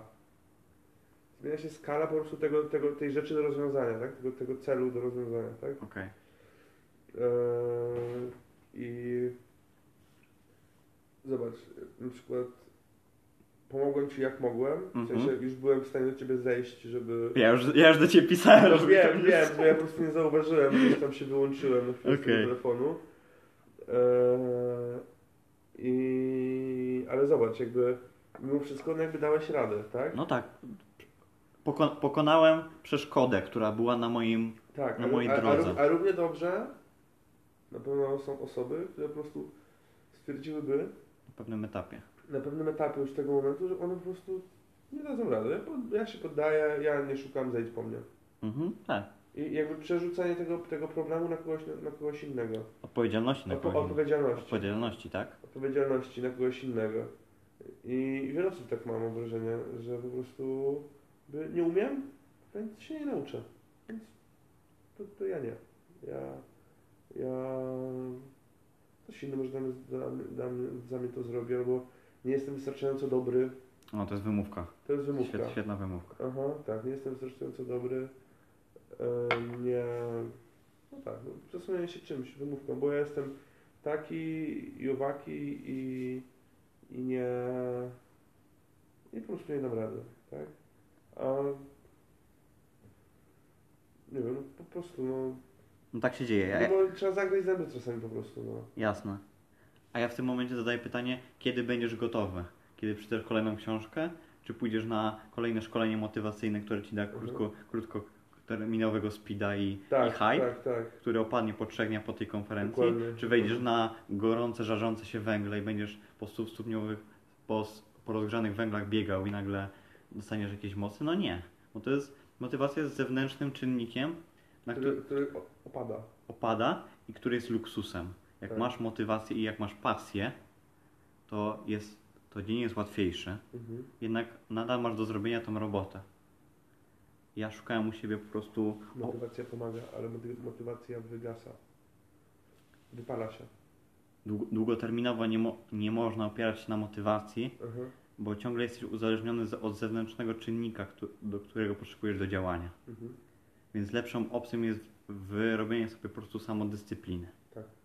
Poprzez robienie regularnie Mhm. jakichś tam prostych rzeczy Mhm. w ciągu dnia. I wtedy jest, myślę, że jak jesteś po prostu w, w ruchu, w tym trybie działania, to jest łatwiej robić kolejne rzeczy. Mhm. Kalendarz, zapisujesz sobie rzeczy, które masz do zrobienia. Nie dyskutujesz sam ze sobą. Patrzę, otwierasz kalendarz, mam pięć rzeczy, robię pięć rzeczy i listę rzeczy do zrobienia na dzień. Wtedy masz wrażenie, że masz kontrolę nad swoim życiem. Mhm. Ja pamiętam, e, jak. Bo u mnie właśnie też to przychodzi w takich interwałach. W zależności od tego, jak wygląda moje życie, w sensie ile mam obowiązków, im jestem bardziej zapracowany w pewien sposób, tym więcej rzeczy załatwiam. Powiedzmy, muszę załatwić, zorganizować to i to. Nie wiem, mam na przykład powiedzmy, produkuję film, jestem kierownikiem produkcji w jakimś filmie, muszę załatwić to, to i to. Jednocześnie muszę iść do szkoły. Jednocześnie, nie wiem, skończył mi się poszedł do praia, tak? Mhm. I świetną opcją jest to, że masz po prostu ze sobą mały kajecik. Ja miałem, Tak. miałem taki notes, taki malutki, jeszcze mniejszy niż swój. I po prostu zapisywałem sobie, ok, muszę kupić to, to, to, to i to i to. I w momencie, kiedy miałem wszystko zapisane, czy dzień wcześniej, czy z, czy z samego rana, to... To jakby... Wykonywałeś te zadania, bo, bo nie No. dyskutowałeś sam ze sobą. Tak, tak. Tylko teraz dochodzi takie zderzenie, bo byłem w takim okresie i teraz jestem w trochę innym jakby, miejscu, Mhm. Etapie. etapie. E, dochodzi kwestia takiego normalnego, przy, przy, przysłowie normalnego życia, gdzie no czasami, nie wiem, mm, masz coś do zrobienia, a na przykład, nie wiem, twój znajomy mówi, że słuchaj, no to dawaj spotkamy się tu i tu, czy te, tak i tak. Akurat jestem w pobliżu, dawaj chodź spotkamy się. No i jest taki moment, gdzie bo ja też jakby mówię, to muszę sam się tego nauczyć, jakby też Okej. to pośrodkować teraz. Eee, I żeby nie za każdym razem mówić tak, tak, tylko powiedzmy ewentualnie, jeśli ktoś chce się ze mną spotkać, to ja mówię, ok, mam taką i taką rzecz do zrobienia, albo nie, założyłem sobie to i to, że na przykład dzisiaj obejrzę taki i taki film, bo w pewnym momencie z oglądaniem filmów jest tak samo jak z czytaniem książek. To jest bardzo porównywalne, bo to też wymaga od Ciebie pewnego rodzaju skupienia, jest to łatwiejsze jakby w, w odbiorze, Tak. nie, nie zabiera Ci aż tyle czasu, ale to ciągle są dwie godziny, które mógłbyś teoretycznie poświęcić na coś innego, ale jednak się wyłączasz i oglądasz to, analizujesz to, jakby podoba Ci się to, ale najgorszy jest ten moment tego samego jakby zaczęcia tego wszystkiego. I mówię, dobra, okej, możemy się spotkać, ale dzisiaj oglądamy film, bo jakby ja sobie założyłem, że chcę obejrzeć film i możemy się spotkać, w sensie możecie do mnie, do mnie wpaść, ale my musimy, musimy to obejrzeć. Jakby to jest jakby, jakby To jest mój cel, To mój, jest- kier- to jest- mój kierunek to bardziej. jest mój kierunek. Jeśli nie chcecie oglądać filmu, no to sorry, nie widzimy się dzisiaj, tak? No tak. E, I jakby staram się jakby to łączyć w pewien sposób, że mam te swoje cele, które chcę tam sobie zrealizować, ale jednocześnie no muszę być w zgodzie z samym sobą. Mhm. Bo powiedzmy, nie obejrzę tego filmu teraz, no to ja wiem, że ta, ten moment na oglądanie tego filmu, powiedzmy, miałem sobie taką sytuację, że zacząłem oglądać jakiś film, który bardzo mi się podobał. Zacząłem oglądać ze znajomymi i oni nagle stwierdzili, że oni to w sumie jakoś tak średnio i tak dalej i w ogóle. I jakoś mnie wybili z tego, z tej kminy o tym, żeby oglądać film. No jakby ten film jest 40 minut i ja muszę dokończyć kolejne godzinę 20, tylko teraz muszę jakby znaleźć chwilę, moment, chwilę czasu, żeby to rzeczywiście obejrzeć.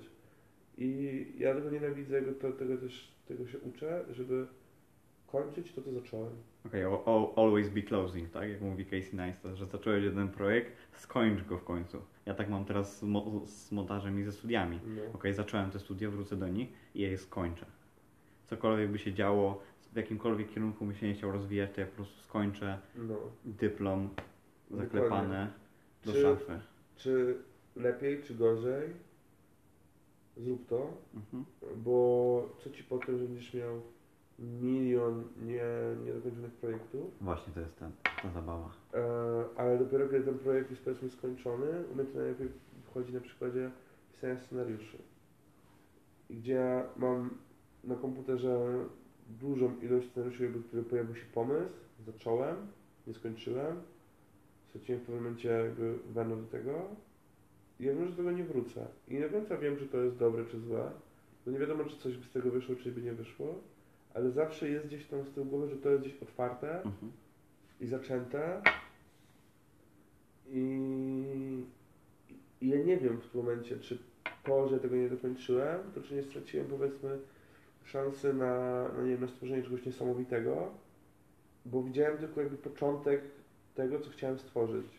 Nie widziałem całego obrazka. Dopiero jak skończę coś, to mogę powiedzieć, wow, dobra, to było fajne, albo ale, ale gniot, nie? Ale, a- ale tragiczna rzecz. A dopiero wtedy jakby mogę siebie ocenić w pewien sposób. I, i no, uczę się tego, nie, nie za każdym razem się da, tak? Znam 15 tysięcy książek, które są za- zaczęte, Mhm. gdzie jest przeczytany jeden rozdział i one leżą, bo nie ma na nie czasu, tak? Czy, czy nawet nie ma tyle czasu, co nie ma na nie po prostu chęci. No po prostu powiedzenie, powie- powiedzenia sobie, że nie chcę, nie chcę danej rzeczy czytać, tak? No tak, tak. A najgorsze jest to, kiedy ja bym chciał coś przeczytać, ale rzeczywiście jakby nie potrafię znaleźć na tyle samo zaparcia, żeby to zrobić, żeby to dokończyć. I dlatego, jeśli mam okazję coś dokończyć, to będę to robił. To, to, coś, to, to, to, to dokończę, będę walczył o to, żeby to dokończyć. No chyba, że rzeczywiście jakby rzecz jest na tyle nie, nie rozwijająca w żaden sposób, no to gdzieś tam to pójdzie w odstawkę, tak? Ale, ale na przykład jak nie wiem, Yy, zacznę, czyli nie potrafię rysować. Totalnie jakby lubię, ale Mhm. nie potrafię. Yy, generalnie jakby kwestia twórczości takiej, yy, nie jak to nazwać, no, powiedzmy z tej, z tej takiej typowej dziedziny sztuki rysowanie. Tak, no kra- Jakby sprawia mi dużo przyjemności, ale totalnie nie potrafię tego robić, ale jak już zacznę coś, to nie wyobrażam sobie zostawić niedokoń- coś niedokończonego. okej. Bo będzie mnie to męczyć i irytować, że tego nie dokończyłem, że nie potrafiłem zobaczyć całego obrazka, yy, zanim został skończony. Muszę, nawet mogę, mogę nie skupić się już na, na tylu detalach, jakby powiedzmy zobaczę, że coś mi nie, niepodobnie leży mi to, co narysowałem. I mogę się już przestać skupiać na jakichś tam detalach, yy, ale muszę zobaczyć przynajmniej efekt, jakby ten główny, na którym mi zależało Okej, końcowe. końco, końcowy, w sensie już bez, te, bez tego dopieszczania, tak? Bo zawsze jak masz jakiś pomysł, to najpierw robisz tą główną rzecz, a potem dopieszczasz. Mhm, tak. Potem dopieszczasz, potem się mm, tam, o fajnie jakby tutaj było to, fajnie jakby, nie wiem, tutaj osoba nagle, nie wiem, podniosła dwa złote z podłogi, w przypadku akurat filmów, tak? Mhm. Powiedzmy, jakby taki Okej. detal, który nie jest jakby ważny, ale jest moim przerywnikiem. Yy, I, I gdzie szczegóły są ważne, to nie są najważniejsze, bo też nie zawsze ono, o nie chodzi. One dają ci w pewien sposób takie poczucie, że ktoś na tym rzeczywiście siedział i myślał, że wszystko nie jest przypadkowe, ale gdyby tego nie było, to niekoniecznie straciłbyś tyle tej, tej, tej ciekawości, która Wynika z samego wynika robienia. z, z samego dzieła, tak powiedzmy. Mówię tu o samej kwestii jakby twórczości. Tym się mocno skupiam w swoim życiu, na, na, na tej twórczości po prostu. M- Myślę, że to jest kwestia, wiesz, zbudowania sobie nawyków i powiedzenia sobie, że ej, nie wiem, codziennie o dziewiątej teoretycznie przychodzi moja kreatywność. Siadam do danego zadania, najtrudniejsze jest zacząć, robię to bez Mhm. względu na rezultat tego działania Mhm. do danej godziny i skończyłeś. I masz satysfakcję z samego działania, a nie z rezultatu działania. tak. Bo ja, Tak. bo myślę, że to jest sytuacja, w której jesteśmy teraz, jesteśmy po prostu społeczeństwem natychmiastowej gratyfikacji. Mhm. Facebook, powiadomienie, cukierek, rezultat, sylwetka, dieta, ef- efekty. Mhm. Każdy chce efektów, każdy się skupia na rezultacie, a nie na procesie. A nie na procesie. Tak. No. I jak zmienisz sobie, że hej, idę w danym kierunku, a nie idę w danym celu, to gra jest zupełnie inna i możesz po prostu dłużej, dłużej w niej wytrzymać, nawet jak się okaże po drodze, że to nie jest dla ciebie. Po prostu. Mhm. I gra, mm, robisz rzeczy dla samego robienia, nie dla rezultatu. Tak, tak powinno, tak powinno to wyglądać. A, a w dużej mierze jakby wiele osób nie, nie cieszy ich sam proces, tylko cieszy, cieszą ich efekty.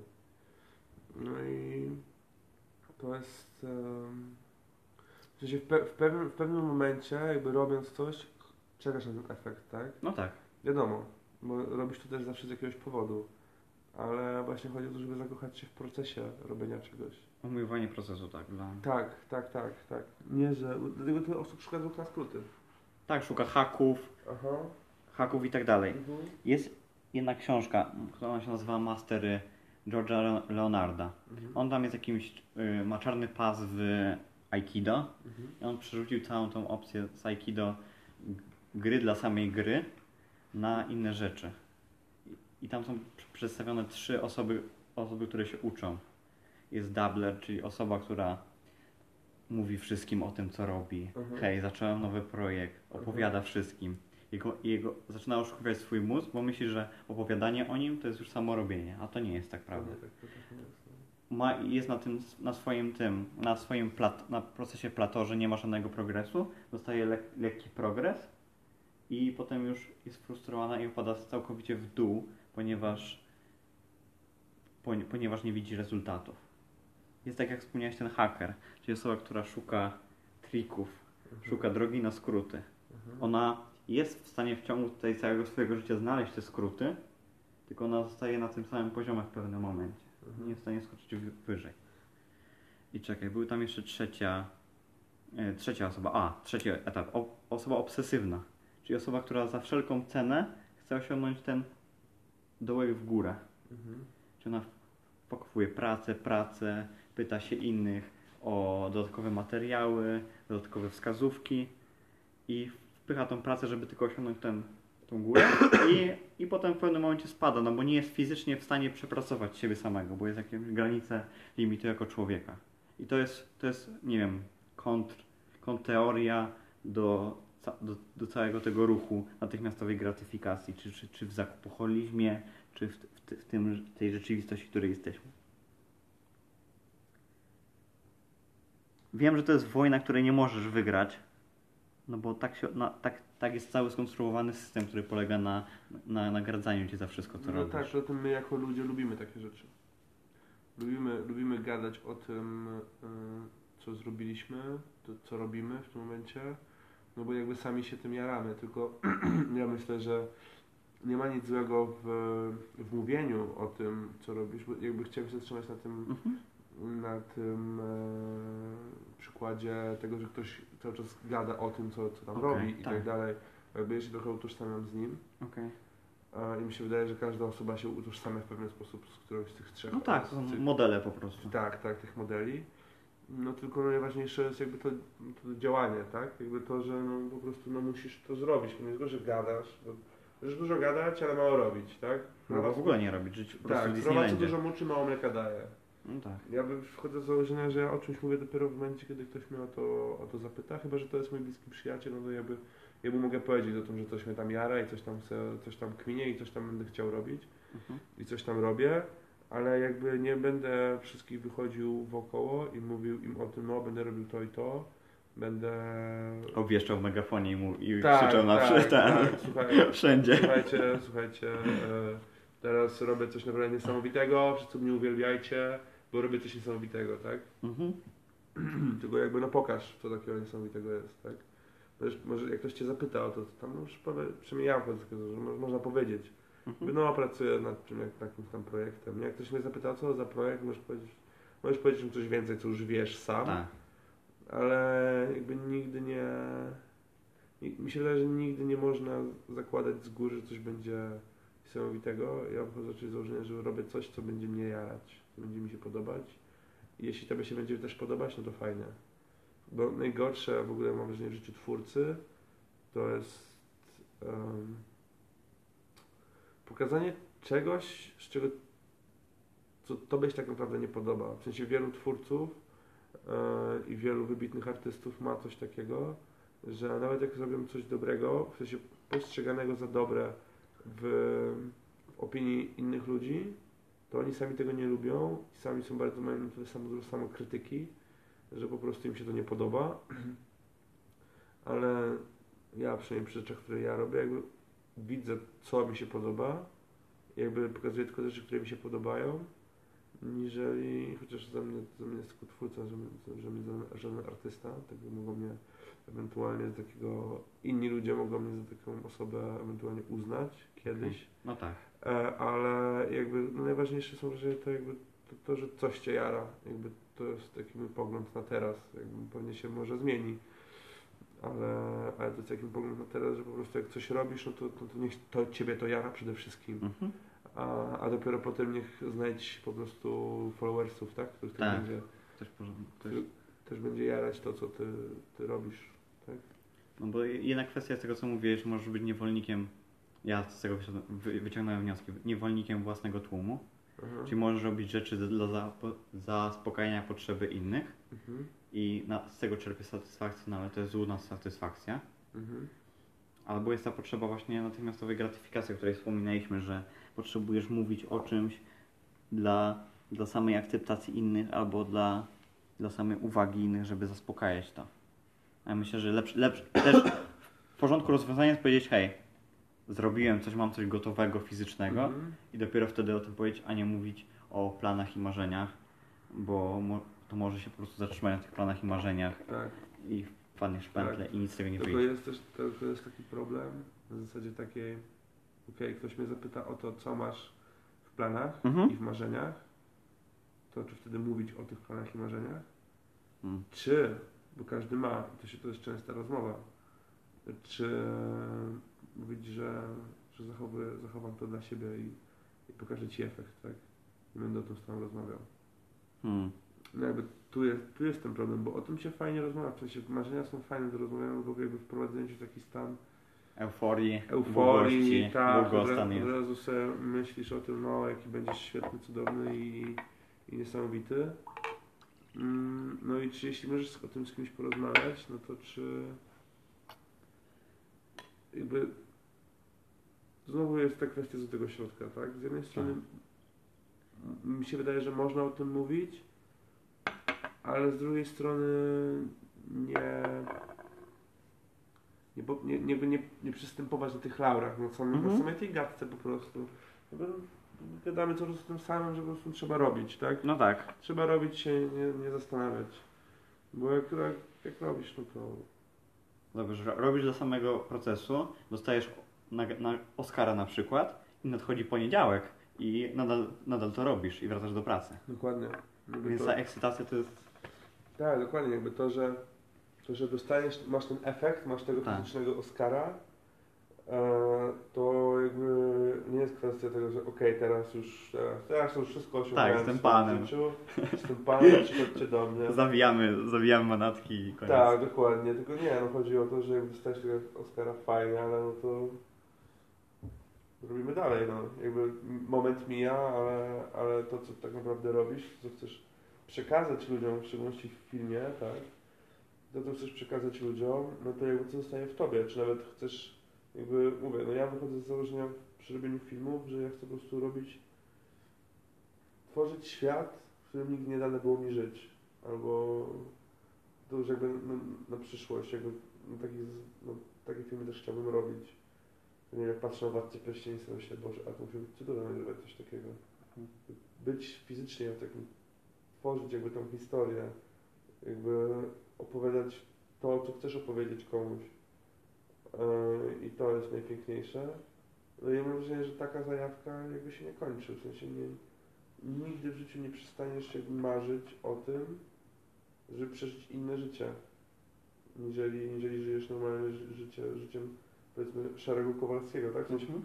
zwykłego człowieka, tak? Że, ciąg, że ciągle jest ta ekscytacja w tym twoim życiu. No tak. Ciągle, może to jest kwestia też ciekawości, ciekawości do życia. Że nie, że, nie, że nie chcesz być szczęśliwy w życiu, a chcesz, a chcesz być natomiast ciekawy. No tak. ciekawe życia. I nie opierasz się na chwil, chwi- chwil, chwilowych bodźcach, które dostajesz i których gonisz. Jak śpiewa Lana Del Rey, Happiness is a Butterfly, tak? Że sobie odlatuje ten Mhm. moty, motylek ci cały czas odlatuje. Tylko po prostu szu- szukasz rzeczy wokół, wokół siebie i no, starasz się je znaleźć. Bez względu na wszystko. Bardzo mi się podobało, jest, to jest krótkie zdanie, nie wiem czyje to jest, jakby e, Rob Gryn, którego serdecznie pozdrawiam. E, e, kiedyś u siebie na Instagramie chyba na jakimś stories, czy jakimś tam swoim filmiku, na pewnym momencie spamował filmikami na YouTube. Ja tak właśnie byłem w takim trybie takiego właśnie takiego, takiego ognia, takiego robienia i w ogóle, w ogóle, byłem- w na keto też tak samo jak kołem, robiłem posty. E, jakieś, że nie jadłem powiedzmy przez 5 dni, czy byłem na intermittent fasting, że na przykład robiłem one meal a day. Okej. E, to w każdym razie powiedział, że easy choices, hard life, hard choices, Tak. easy life. Mhm. No i jakby to, to, to, to jest ważne, żeby w pewnym momencie nie podejmować samych tych łatwych decyzji. Powiedzmy, nie wiem, łat, łatwiejsza decyzja to jest poglądanie tele, telewizji, czy zamulanie trochę, niż pójść na siłownię. Eee, czy nie wiem, odłożenie czegoś na później, jakiejś ważnej pracy, którą masz do zrobienia. Powiedzmy, dobra, jutro się pouczę. Eee, zamiast zrobić to dzisiaj, no to podejmie się po prostu ciężej. Tak? Mhm. Jakby, jakby łatwy wybór, ale no potem, potem masz problem. Okej, wie, wiem o kim mówisz, Aha. bo też widziałem tego człowieka, on jest właścicielem Code- CodeWise, Tak. tej całej, ca, całej firmy programistycznej. Mhm. I z jednej strony tu, tu pojawia mi się ten temat autorytetów. Aha. Ktoś może się kreować na autorytetów i duża część społeczeństwa nie ma cienia wątpliwości, nie rzuca na taką osobę cienia wątpliwości. Że Mhm. mo, może to nie jest dla mnie. No, no tak, no trzeba, ale musisz sprawdzić, żeby wiedzieć, czy to jest dla Ciebie, czy nie. To dieta ketogeniczna jest cholernie trudna i wymaga wielu wyrzeczeń, no bo masz taki, czasami taki moment, że wychodzisz na miasto z znajomymi, coś zjeść, Mhm. a Ty nie masz co zjeść. No tak, no bo, bo są same węglowodany. Na przykład. Na przykład. A ty potrzebujesz w dużej mierze tłu- tłuszczu i białka, tak? No tak, tłuszczu najwięcej i, i, i białka. I białka. E, No i pojawia się ten problem. No i właśnie przychodzi do zderzenia z takim po prostu normalnym życiem, bo okej, możesz sfrikować, w sensie być takim jednym z tych ludzi nazywam frikami, Mhm. którzy po prostu odcinają się od, od wszystkich jakby rzeczy, które nie pozwalają im zostać w tym stanie, w którym są. E, Ale to w pewien sposób zamyka te osoby na niektóre piękne rzeczy, które mogą się wydarzyć, tylko że na takiej zasadzie, ja już tu mówię bardziej na zasadzie międzyludzkiej. Jasne. Eee, bo dla mnie to jest, jakby będę to forsował i będę tym że ludzie są najciekawsi w tym życiu. Dla mnie nigdy nie przestaną mnie zaskakiwać, jakby o, o, to, o, o to w tym życiu chodzi, mam wrażenie, że chodzi o ludzi, tak?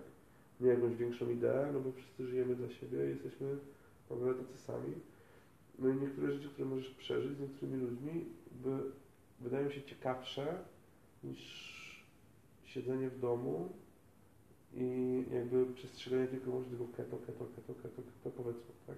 A Mhm. nie wiesz, na przykład zostajesz w domu, oczywiście zawsze jest recepta, tak? Możesz zjeść w domu, a potem po prostu twoi znajomi jedzą, a ty, a ty nic, tak? Tak.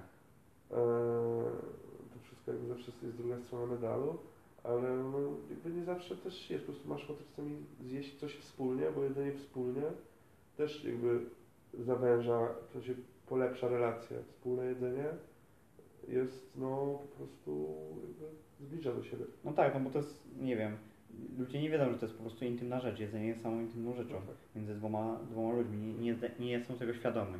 A wracając do tych autorytetów, to tak Aha. patrzy na to, że możesz wyjść z założenia, jak, jak wychodzi na przykład Gryn, że czuje się komfortowo, komfortowo w swoim niekomforcie, czyli ciągle podwyższam swoją poprzeczkę No tak. To jest I- akurat zajebiste podejście i po prostu ciśniesz, ciśniesz, ciśniesz. Aha. Ale z drugiej strony też się, że, że, ta, że ta gra nie ma końca. No trochę tak.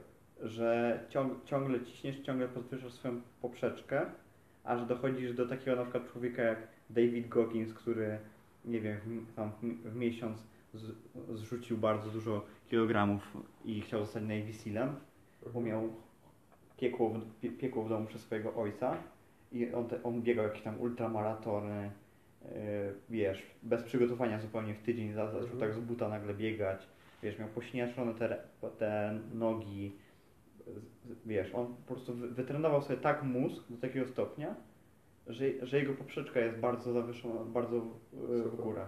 Albo nie wiem, po, pobił, re, pobił, pobił rekord podnoszenia się na drążku przez 24 godziny non-stop. Wow. No i on po, po, ponosił się. Szkoda, że podcast nie może oddać mojej mimiki twarzy, bo zrobiłem teraz, teraz ogromne oczy, co to mogłeś zauważyć, że takie... Jak to... Przez 24 godziny... Jak Podnosi-? Abyś się raz się podciągnął, czy nie pamiętam? Nie pamiętam liczby, ale on, on, ta- on tam wie, że on po prostu, on jest uważany za jakiegoś, jakiegoś robota człowieka, że on po prostu tak, tak się, ta, tak się po prostu ma wyćwiczone swój umysł, albo swoje, nie wiem, jakąś tam poprzeczkę, Aha. że on po prostu ciś, ciśnie ciągle.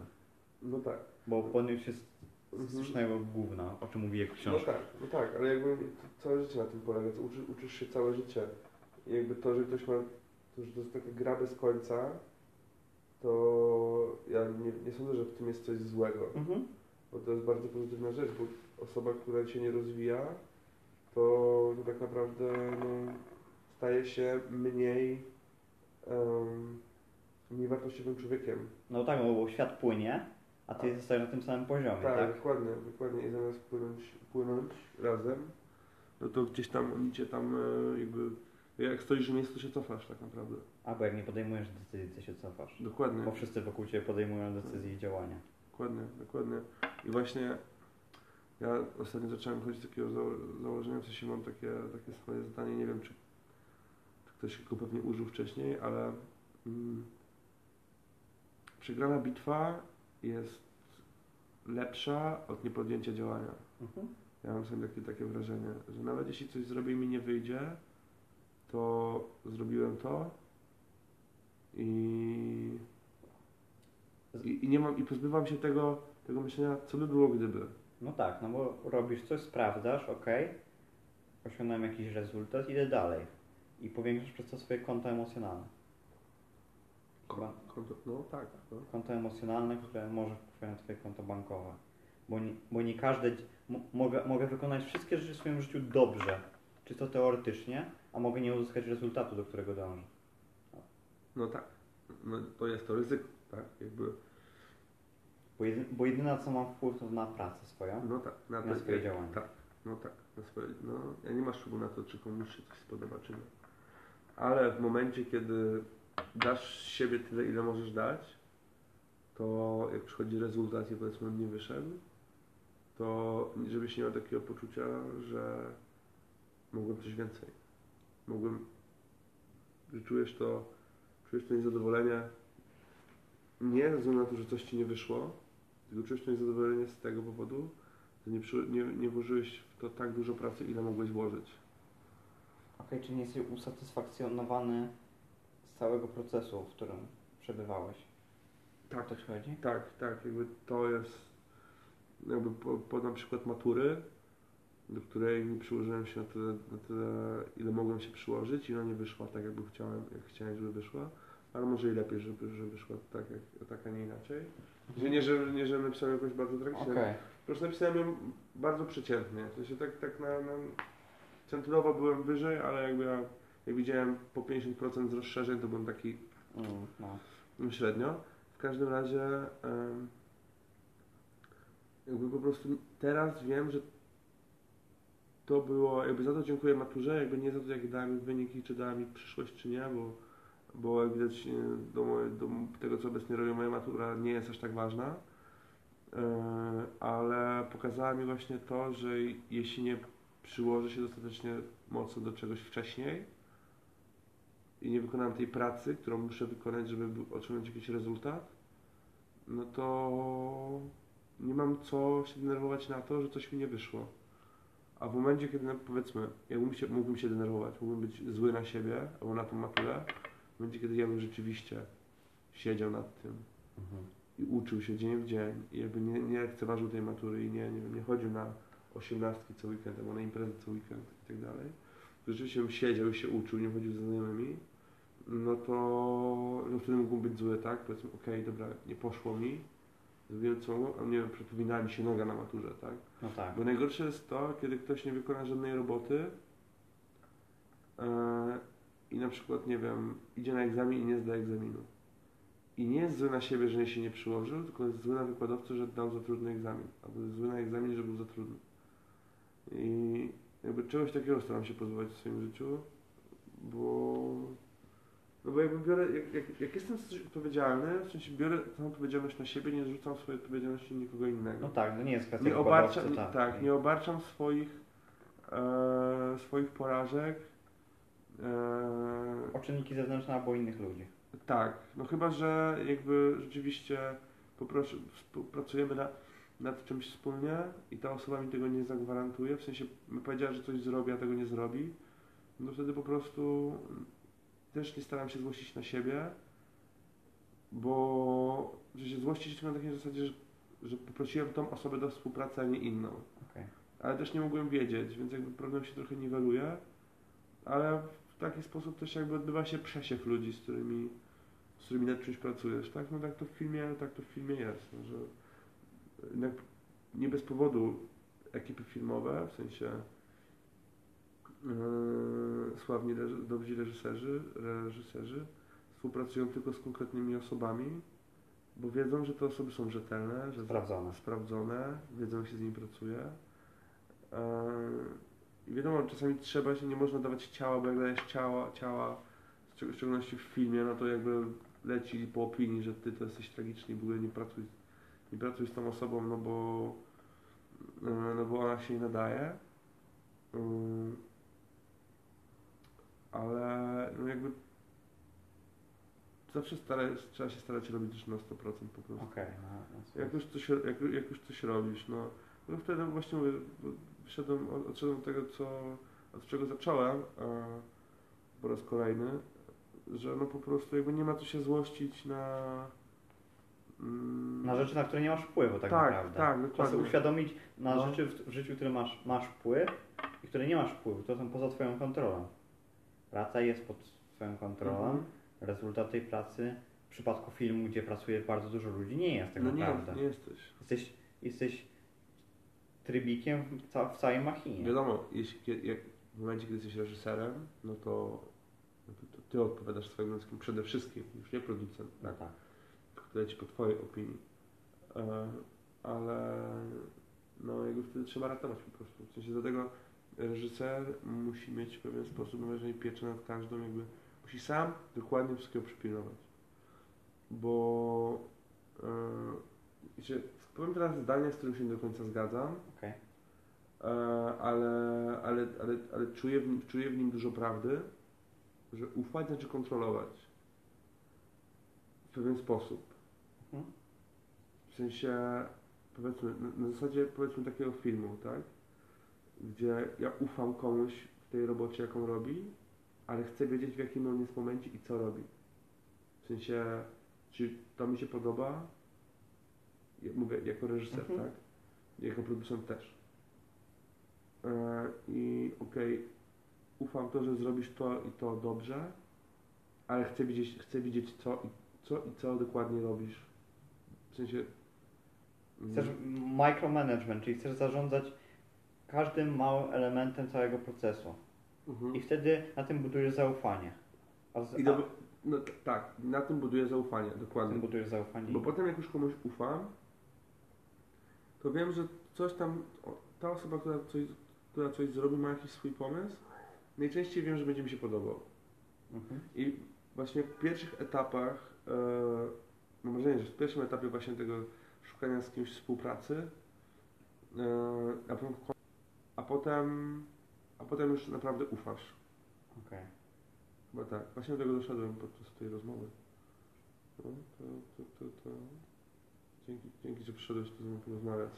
Proszę bardzo. Czegoś, czegoś się nauczyłem. No. Bo to, bo to jest też kwestia tego, że bierzesz pełną odpowiedzialność za ten team, za tą drużynę, którą zbudowałeś no tak, podpisujesz się swoim nazwiskiem. No. i to twoją odpowiedzialnością jest, że zbudowałeś drużynę, która wygrywa albo która przegrywa. Mhm. I, Pełną to ty musisz. I ty to musisz wziąć na siebie. Ty wybrałeś sobie osoby, z którymi pracujesz i ty wybrałeś sobie z osobami, z którymi się spotkasz każdego dnia. Dokładnie. Czyli jak, jak coś nie działa, to zauważasz to i jesteś na tyle elastyczny i próbujesz to zmieniać w trakcie. Jeśli jesteś na tyle samoświadomy siebie i otoc- otoczenia, w którym się znajdujesz. A nie po prostu płyniesz całe życie na auto, autopilocie. pilocie. Autopilocie jesteś po prostu za, tak zaprogramowany, że, że nie masz tego, tego oddechu momencia, po prostu tego hamulca, e, nie wiem, raz w tygodniu, raz w miesiącu, że hej, zobaczmy co się dzieje w tym tygodniu, zobaczmy co się dzieje w tym miesiącu, w którym kierunku idzie, czy idę w do, właściwym kierunku, czy nie Nie ma, nie właściwym. ma tej chwili zastanowienia się. Wiele osób nie ma. Jakby, przynajmniej mam takie wrażenie osobiście, bo jak czasami osoby, z powiedzmy dobrze znam, tak?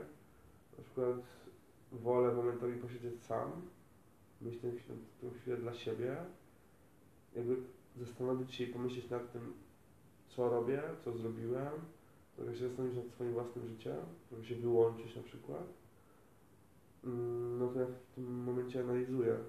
Zaczynam myśleć o tym, jak wygląda moje życie i, jak, i czy, czy chcę, żeby tak wyglądało, e, czy, czy nie chcę. A wiele właśnie, to, też, to, to jest to, co mówisz, wiele osób ma po prostu tak, że płyną tym nurtem i, i nie patrzą na to i tak naprawdę nigdy, mam wrażenie, że do końca nie mają wpływu na to, jak wygląda ich życie. A mnie zawsze, zawsze od małego dziecka, zawsze lubiałem mieć wpływ na to, mm, co robię. Czyli nie ma dla mnie nic gorszego niż powiedzmy to, że ja zaplanuję sobie, że coś zrobię. Powiedzmy na przykład wstaję rano i planuję to, że nie wiem, po, na przykład rano wypiję kawę Mhm. w spokoju, Okej.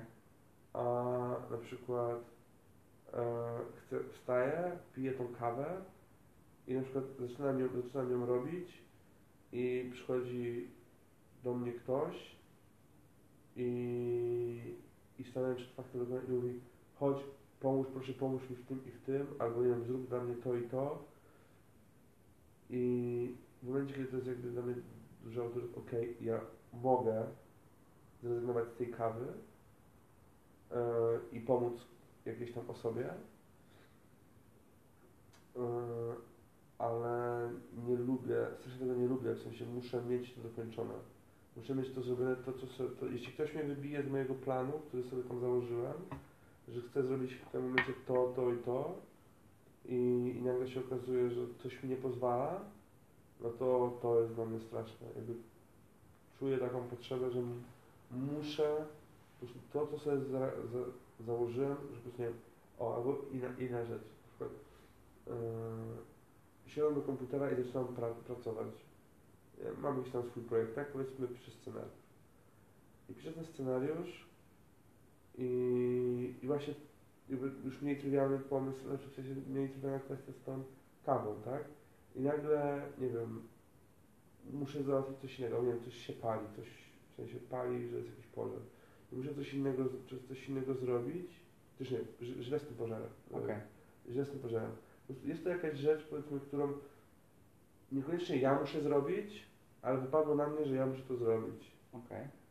E, I wtedy, no, wiem, że zanim się wprowadzę w ten sam stan, We flow. we flow tego, Tak. że, że coś zacząłem robić, że już otworzyłem ten, kom- ten komputer, bo to jest najgorsze we wszystkim, jakby za, najgorsze jest zacząć. Jak Tak. już zaczniesz, To już leci. to już leci. Bo to, to jest ten największy problem, zacząć. I w, najgorsze jest to, jak będzie, gdy zaczniesz, zaczynasz coś robić, już, już jesteś, już zacząłeś trochę robić. Mhm. I jesteś w tym stanie już robienia, robienia, robienia i nagle jest bach, ktoś ci mówi, że coś musisz zrobić innego. I jakby na przykład, nie wiem, bo ma nad tobą przynajmniej tyle więcej władzy, że no po prostu jakby musisz to zrobić, tak? Okej, jesteś z- z- uzależniony od Na niego. przykład, na przykład, tak, jesteś uzależniony po prostu od kogoś, tak. To jakby ja staram się w swoim życiu po prostu tak kierować wszystkim, żeby to, że jedyna osoba, od której, od której jestem zależny, to jestem ja sam. Okej. I, I ja robię to, co ja chcę robić. Nie zawsze, wiadomo, nie zawsze tak jest i to, i to rozumiem, ale w momencie, kiedy coś sobie założę, to muszę to zrobić, bo inaczej no, nie da mi to spokoju, tak? By nie, przede wszystkim szanuję swoje zdanie, a dopiero czy, czyjeś inne. Tak staram się, tak staram się podchodzić. Nie wiem, ja się spotkałem z taką koncepcją, że, że stopniowo zwiększasz swój wpływ i władzę, Aha, przy tym się dobrze bawiąc aha, i idąc na, na, na małe kompromisy i w trakcie może ewentualnie pomagając małe, małej ilości osób w tym całym No. procesie. no, no, no. no. I że jak masz większą władzę i pieniądze, to, mo, to możesz sobie, to budujesz swoją pozycję i masz tą większą wolność. No tak. Co, w sensie, to czyjaś jest koncepcja? W sensie, gdzie, gdzie to przeczytałeś? To było gdzieś na ten, na podcaście o Konorze Magrygorze u Rafała Mazura. Aha, Bo koło Gryna jest jeszcze Marcin Osman, który wydaje książki aha. i jest Rafał Mazur, który tam, on, on zajmuje się coachingiem profesjonalnym tych osób, którzy, No słyszałem no. on tam pomaga ludziom osiągać więcej, czyli pchnąć jeden poziom dalej ludzi. Aha. i, ta, i tam był ten cały kon, taki, taki, nie ten koncept, że po prostu, że jak powiększasz swój wpływ, no to masz tą co, co, coraz większą wolność. No tak. Czyli powiększenie swojego konta emocjonalnego wpływa bezpośrednio na twoje konto bankowe. Im bardziej się wystawiasz na ból i cierpienie, tym jesteś w stanie więcej osiągnąć. Pokonujesz siebie stopniowo.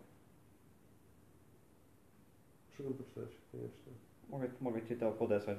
Z, z jednej strony takie koncepcje wizy, takie wiesz, ciśnij do przodu, osiągaj, a z, a z drugiej strony widzę ten ca, ca... Patrz na to, że to wymaga, wszystko łączy się z bólem i cierpieniem. Tak, no No. na, na przykład wychodzisz z założenia, że rodzisz się, całe Twoje życie jest cierpieniem i to Ty nadajesz sens temu cierpieniu i Tak. No, nadajesz bo tak na, no tak, no bo tak naprawdę to życie nie ma sensu. Jeśli patrzysz na to z, z, z perspektywy powiedzmy wszechświata, tak? Mhm, No nie. No jakby tam się, czy ty będziesz, czy cię nie będzie, to ten wszechświat gdzieś tam dalej będzie. I będziesz sobie krążył, tak samo jak sobie krąży, i krąży, i krąży, i krąży. No Jakby to latam jakby ten wątek nihiliz- nihilizmu. No tak, no na tym to się to opiera mi- No w międzyczasie ta, ta koncepcja no, po prostu. e, ale no jakby tak, to jakby to my sami nadajemy sens temu, co robimy. E, a bo, bo wiemy, że ten sens znikąd nie przyjdzie. Dlatego wiele osób ucieka w religię, szuka sensu gdzieś, czy to w religii, czy w, w czymkolwiek innym, co robi, tak? Gdzieś ma ten sens, pomimo tego, że tego sensu nie ma. Mo, mo, ja nie wiem, jak tak obserwuję sobie tą rzeczywistość samego siebie, to widzę, że, że każdy człowiek ma potrzebę wiarę w coś Mhm. i to ta wiara w coś, czy tam w wyższe istnienie, czy w Boga, czy w cokolwiek innego, jest jakaś uwarunkowana w nas samych biologicznie i prze, prze, yy, i znajduje się w różnych formach. Niektórzy mają to w formie religii, niektórzy mają to w formie ideologii, a niektórzy po prostu, nie wiem, wiarę w siebie i własne umiejętności. Jednak za, zwykle to jest jakiś kierunek, który potrzebują znaleźć, jakąś koncepcję, którą potrzebują sobie przyjąć dla świętego spokoju. Mhm. Czy też religię, czy nie wiem. Czyli nie ma, e, że c- c- czas, i- czas i przestrzeń jest iluzją, śmierć też jest iluzją i, i twoja dusza tam żyje po prostu wiecznie i ciągle, ciągle masz wpływ na tą rzeczywistość. Mhm. Albo zupełnie odwrotną koncepcję, że nie ma tego Boga zupełnie, On nas zostawił tutaj nas samych ten i my się, my się, my się bawmy, potem jak umierasz to jest koniec i dziękujemy, game over. Mhm. Jest, jest to, nie wiem, nie ma uważam złej lub dobrej strony w tym wszystkim, po prostu to jest zapewnienie sobie tej po, potrzeby, która jest w nas samych.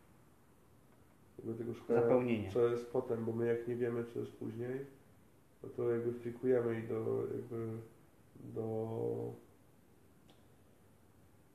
doszukujemy się czegoś sami z siebie, no i jakby nie, nie można, dlatego nie można powiedzieć, czy coś jest lepsze lub gorsze, czy jest po prostu game over i nic nie ma, czy jest dusza i, i ona krąży, no bo nie mam żadnego potwierdzenia tak naprawdę.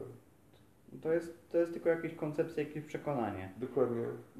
Je, i, nie wiem, i, tego, jak to naprawdę jest, to wiemy się tak naprawdę jakby tylko, tylko, tylko jak to przeżyjemy, w sensie przeżyjemy, w sensie Mhm. jak, jak umrzemy, to dopiero wtedy będziemy wiedzieć, co to tak naprawdę znaczy i jakby ten, ten strach, no bo jakby każda osoba boi się śmierci, ktoś może mówić, że się nie boi, ale, ale każda osoba się boi, bo, bo każda osoba się tego, co jest nieznane.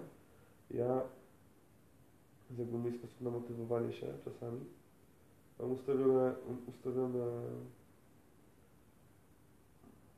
datę, która jest moimi urodzinami, okej. tylko że w 2087 będę miał 90 lat i uznałem sobie, że to jest data mojej śmierci. Okej, czyli za, założyłeś sobie jakąś po prostu hipotezę.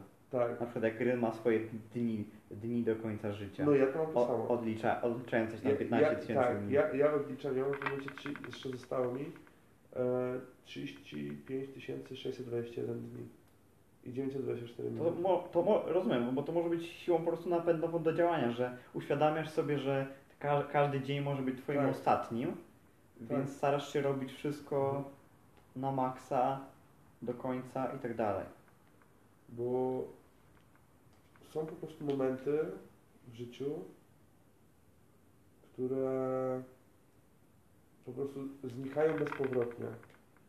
W sensie okazja jest, jest za każdym razem spotykają Cię jakieś okazje, tak? Mhm. Na to, na to, czy na, czy na inną rzecz. E, tylko kwestia jest teraz taka, żeby tą okazję zauważyć, żeby poczuć się w tym momencie, ja tak z tego wychodzę, w sensie, żeby taką żyć taką pełnią życia, Mhm. żeby nie bać się e, wchodzić w, w jakieś tam relacje z jakimiś tam osobami. Z tym ja to naj- najczęściej robię po prostu na przykładzie kobiet, które spotykam w swoim życiu, że teraz jest idealna okazja na to, na tamto i, i zróbmy to, no bo nie wiadomo kiedy taka okazja się powtórzy, tak? No tak. A kto wie, gdzie, gdzie to mnie zaprowadzi, tak? Mhm. Czy się okaże, że ta kobieta będzie moją żoną, czy w sensie nie chcę teraz wyjść na jakiegoś, e, na jakiegoś amanta, tak? Ale no jakby jestem facetem, więc Masz swoje potrzeby, no jasne, tak każdy ma, zresztą kobiety też jakby czują takie rzeczy, jakby nie jesteśmy tutaj, e, nie, nie mogliśmy w żaden sposób czuć, e, nie powiedzieć, że przynajmniej czuć źle, ale chodzi po prostu o to, żeby, mm, by tę okazję wykorzystywać, tak? Mhm. Bo powiedzmy, no już nie przykład, już nie przykład samych kobiet, bo jakby to, jest, to, to wywołuje u mężczyzn dużo strachu, nawet u tych na maksa pewnych siebie, którzy, którzy byli z niejedną kobietą, to oni do tej pory czują się po prostu, wiesz, czują, czują ten stres w środku, zanim dziewczynę pocałują, tylko że umieją, po prostu potrafią z tym walczyć, tak? Jasne. No i e, tak samo jest e, z. Nie wiem, przykład, jesteś gdzieś na wyjeździe i nagle pojawia się spontaniczna decyzja, żeby. A, nie wracajmy, pojedźmy gdzieś jeszcze. Okej, tak? no tak, po prostu. tak. I jakby taka okazja, żeby pojechać gdzieś jeszcze, bo możesz wrócić do tej Warszawy, gdzie masz szare, zwykłe życie, ale taka okazja, żeby pojechać gdzieś jeszcze, no nie może się, może się nie wydarzyć w najbliższym czasie, tak? Nie No tak. Nie uwierzę nigdy. Ale właśnie chodzi o to, że jak masz okazję, żeby coś zrobić, to to zrób. Ja z tym walczę, w sensie nie jestem jeszcze perfekcjonistą w wykorzystywaniu wszystkich okazji, e, które mam, które zostały mi dane gdzieś tam przez los, ale, ale to jest moje główne założenie, jedno z głównych założeń jakby w życiu, żeby po prostu te, te okazje wykorzystywać. No bo potem będę się zastanawiał, to jest dokładnie to samo, potem będę się zastanawiał nad tym, Co by było gdyby? co by było gdyby. I nigdy, i tak naprawdę nigdy nie się- wiesz. Nigdy się nie dowiem. Bo masz dwie decyzje, podejmujesz jedną, zostawiasz drugą i idziesz dalej. I to jest Dokładnie. koniec, koniec myślenia. Dokładnie, dokładnie. I ja tym się opiera całe życie. Na tym, jaką decyzję podejmiesz, jakby czy pójdziesz w lewo, czy w prawo. No ja też miałem tą decyzję spotykania się tutaj z tobą, tak? No tak. Miałem do wyboru imprezę, z, z, y, jazda na łyżwach i imprezę z, z kumplem i z jakimiś No. ludźmi, których nie znałem i podcast z tobą. I co było bardziej priorytetem, Ale co us, no, tak, ustawiłem. no tak, ale teraz z kolei z drugiej strony zobacz. Jest jeszcze wczesna godzina, to, że przyszedłeś tutaj do mnie, nie znaczy, że nie możesz później dołączyć, tak? Powiedzmy. Oczywiście. Jak już stąd I też będziesz miał tą, tą jakby, ten moment tej frajdy, tak? Mhm. I, i właśnie czasami można coś zrobić, będziesz miał satysfakcję z tego, że zrobiłeś to, bo to jest twój pierwszy podcast, prawda? Mhm. W sensie, Tak, to jest pierwszy raz, kiedy, kiedy się nagrywam. za- Czuję się e, zaszczycony.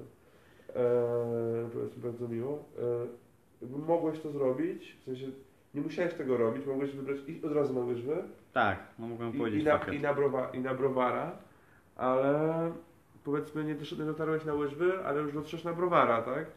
I, I zamiast na przykład, wiesz, to jakby wychodzi też kwestia tego, że nie umiesz, nie, jakby jesteś introwertyczną osobą, ale jakby nawet jak ktoś cię zapyta, w sensie co robisz, a robiłem podcast, nie? Jakby No tak. bawiłem się świetnie i już masz coś innego, żeby z kimś porozmawiać, żeby zainteresować osobę, jakąś inną osobę tobą, no bo zrobiłeś coś innego, a robiłeś w tym czasie coś innego i jakby możecie wymienić się doświadczeniami wtedy. Mhm. Jest, jest punkt zaczepienia o, o coś do rozmowy. Jest, jest ten konflikt, tak jak masz w filmie, tak? Mhm. Masz ten konflikt. Bohater, antybohater? Nawet, nawet, nie, nawet, nawet nie bohater, antybohater, tylko na zasadzie e, po prostu jakby dwóch, dwóch innych doświadczeń. Jakby wy byliście na łyżwach i i wiesz, na przykład e, wiem, ktoś się wywrócił i złamał rękę, tak? Mhm. Powiedzmy. Jakby masz raz, że element to dla ciebie to będzie ciekawsze, bo porozmawiasz z kimś na temat tego, jak to do tego doszło, jak to się stało i tak dalej. I pomimo, że wszyscy o tym będą rozmawiać, to i tak jakby tu będziesz, tu będziesz ciekawy tego. A ktoś, no okej, jak ktoś by to złamał rękę, to może nie chciałby to potem słuchać o tym podcaście, tylko pewnie by gadali o tym, tak? No tak. ale, ale czy nie poznaliby kogoś i zabraliby tam osobę ze sobą potem na piwo, a ty wracasz i mówisz, że, robiłeś podcast i jakby, nie wiem, pogadałeś sobie z kimś i No tak. przyjemnie ci się z tą osobą rozmawiało, tak? No tak. tak mam nadzieję. Ja, ja, ja również też wychodzę z takiego założenia. No, Nie zapraszam ludzi, z którymi nie chcę rozmawiać, to było bez sensu. No, no, no, no i jakby jest ta ciekawość e, do tej drugiej osoby, tak? Mhm. No bo zawsze jest ciekawie pogadać o tym, że się zapytać kogoś, co zrobił wcześniej, bo jakby wiesz, co robił inna osoba, wiesz, co robiła wcześniej. No. Mhm. Czyli nie wiem, jak to, nie wiem, jak to inaczej nazwać. No, po prostu nie zawsze to, że podejmiesz taką, a nie inną decyzję, niweluje to, że nie będziesz się bawił równie dobrze jakby podczas innej okazji, tak? Mhm. Że to jest jakby zawsze inne doświadczenie. Jak robisz coś nagle innego, e, to sprawia to, że jesteś ciekawszą osobą. No bo masz szerszą perspektywę, tak? Tak, Doświadczysz więcej, więc no tak, masz dokładnie. szerszy światopogląd, Dokładnie, więc dokładnie. Może, mo, ma, masz z większej ilości rzeczy czerpać. Dokładnie, dokładnie. A jak wiesz, w szczególności stajesz się też dużo bardziej wartościową osobą dla grupy, w której się znajdujesz. Bo i w ogóle bardziej wartościową osobą w samej grupie, w której się znajdujesz. Bo- może, bardziej, może nie bardziej wartościową, ale bardziej atrakcyjną. O, o tak, tak, tak, dobra, tak, tak, to, to tu, tu się zgodzę. Tak, bardziej atrakcyjną w ten sposób, bo można mówić, że no każdy równy, każdy y, taki sieki, ale gdzieś tam zawsze to, to, bo jedzenie nie zabiją, uwielbiam, was wszystkich, może nie będę tego słuchać, e, że po prostu ta atrakcyjność, w sensie nawet jak jesteś w grupie ludzi i niby wszyscy jesteście na przykład ziomkami i wszyscy się lubicie równie bardzo, to i tak gdzieś jest ten jakby ten, ten, ten przodownik stada powiedzmy. Mhm, ten No bo ten my jesteśmy- osoba najlepsza, Tak, tak, bo my, my wszyscy nawet jak żyjemy w grupach, to żyjemy jak stado, jesteśmy zwierzętami stadnymi, no. Mhm. Co, co sprawiło, że żyjemy w miastach i tak dalej, to że potrafimy współpracować ze sobą i działać w grupie. E, No i plus jakby tak jak było u Harariego w Sapiensie, że no, umiemy wspólnie wierzyć w jakieś mity i w jakieś wartości, w sensie w jakieś wyimag- wyimaginowane twory, na przykład nie wiem, spółki ZO albo e, papiery wartościowe, tak? Mhm. E, ale jakby już w samej tej takiej grupie, już tak podchodząc do, schodząc, upraszczając to bardzo do jak momentu, jak byliśmy jaskiniowcami, no to wtedy co, no wtedy ten najsilniejszy, no po prostu był przodał, przodownikiem, ale nie, to wcale nie musiało oznaczać, że on się musiał wyżywać na tych słabszych. No tak, to było On- po oni- prostu prawo natury. Tak, naturalne. oni się wszyscy na pewno nawzajem bardzo lubili i nie, nie, nie kazał on siebie traktować z wyższością, ale po prostu czuł się liderem, tak? Czy czuł się lepszy, albo nie wiem. Już nawet, już nie mówiąc o tym, że ktoś jest na samym szczycie, ale to już nawet tak jakby każdy ma jakąś inną tam swoją, swoje odchylenie i każdy jest dobry w czymś innym, tak? I, i fajne jest to, kiedy, pomimo tego, że jesteśmy w grupie, w szczególności kiedy mamy, żyjemy w takich czasach, nie żyjemy w jaskini, przeżyjemy tylko z tymi samymi osobami, to jakby jakby otwierać się na te inne, inne bodźce Mhm. i po prostu potem wejść do tej grupy i przekazać im te, te, te swoje doświadczenia, tak? Okej. I, mo, I nie wiesz jaki, jaki to zostawi Ślad na nich. Ślad. Chciałbym Mhm. powiedzieć impact, ale to ślad, no lepiej. Wpływ na nich, o, wpływ, o, albo ślad. O, Dokładnie, wpływ. ich mózgu. No. Czekaj, za- zatrzymam drugą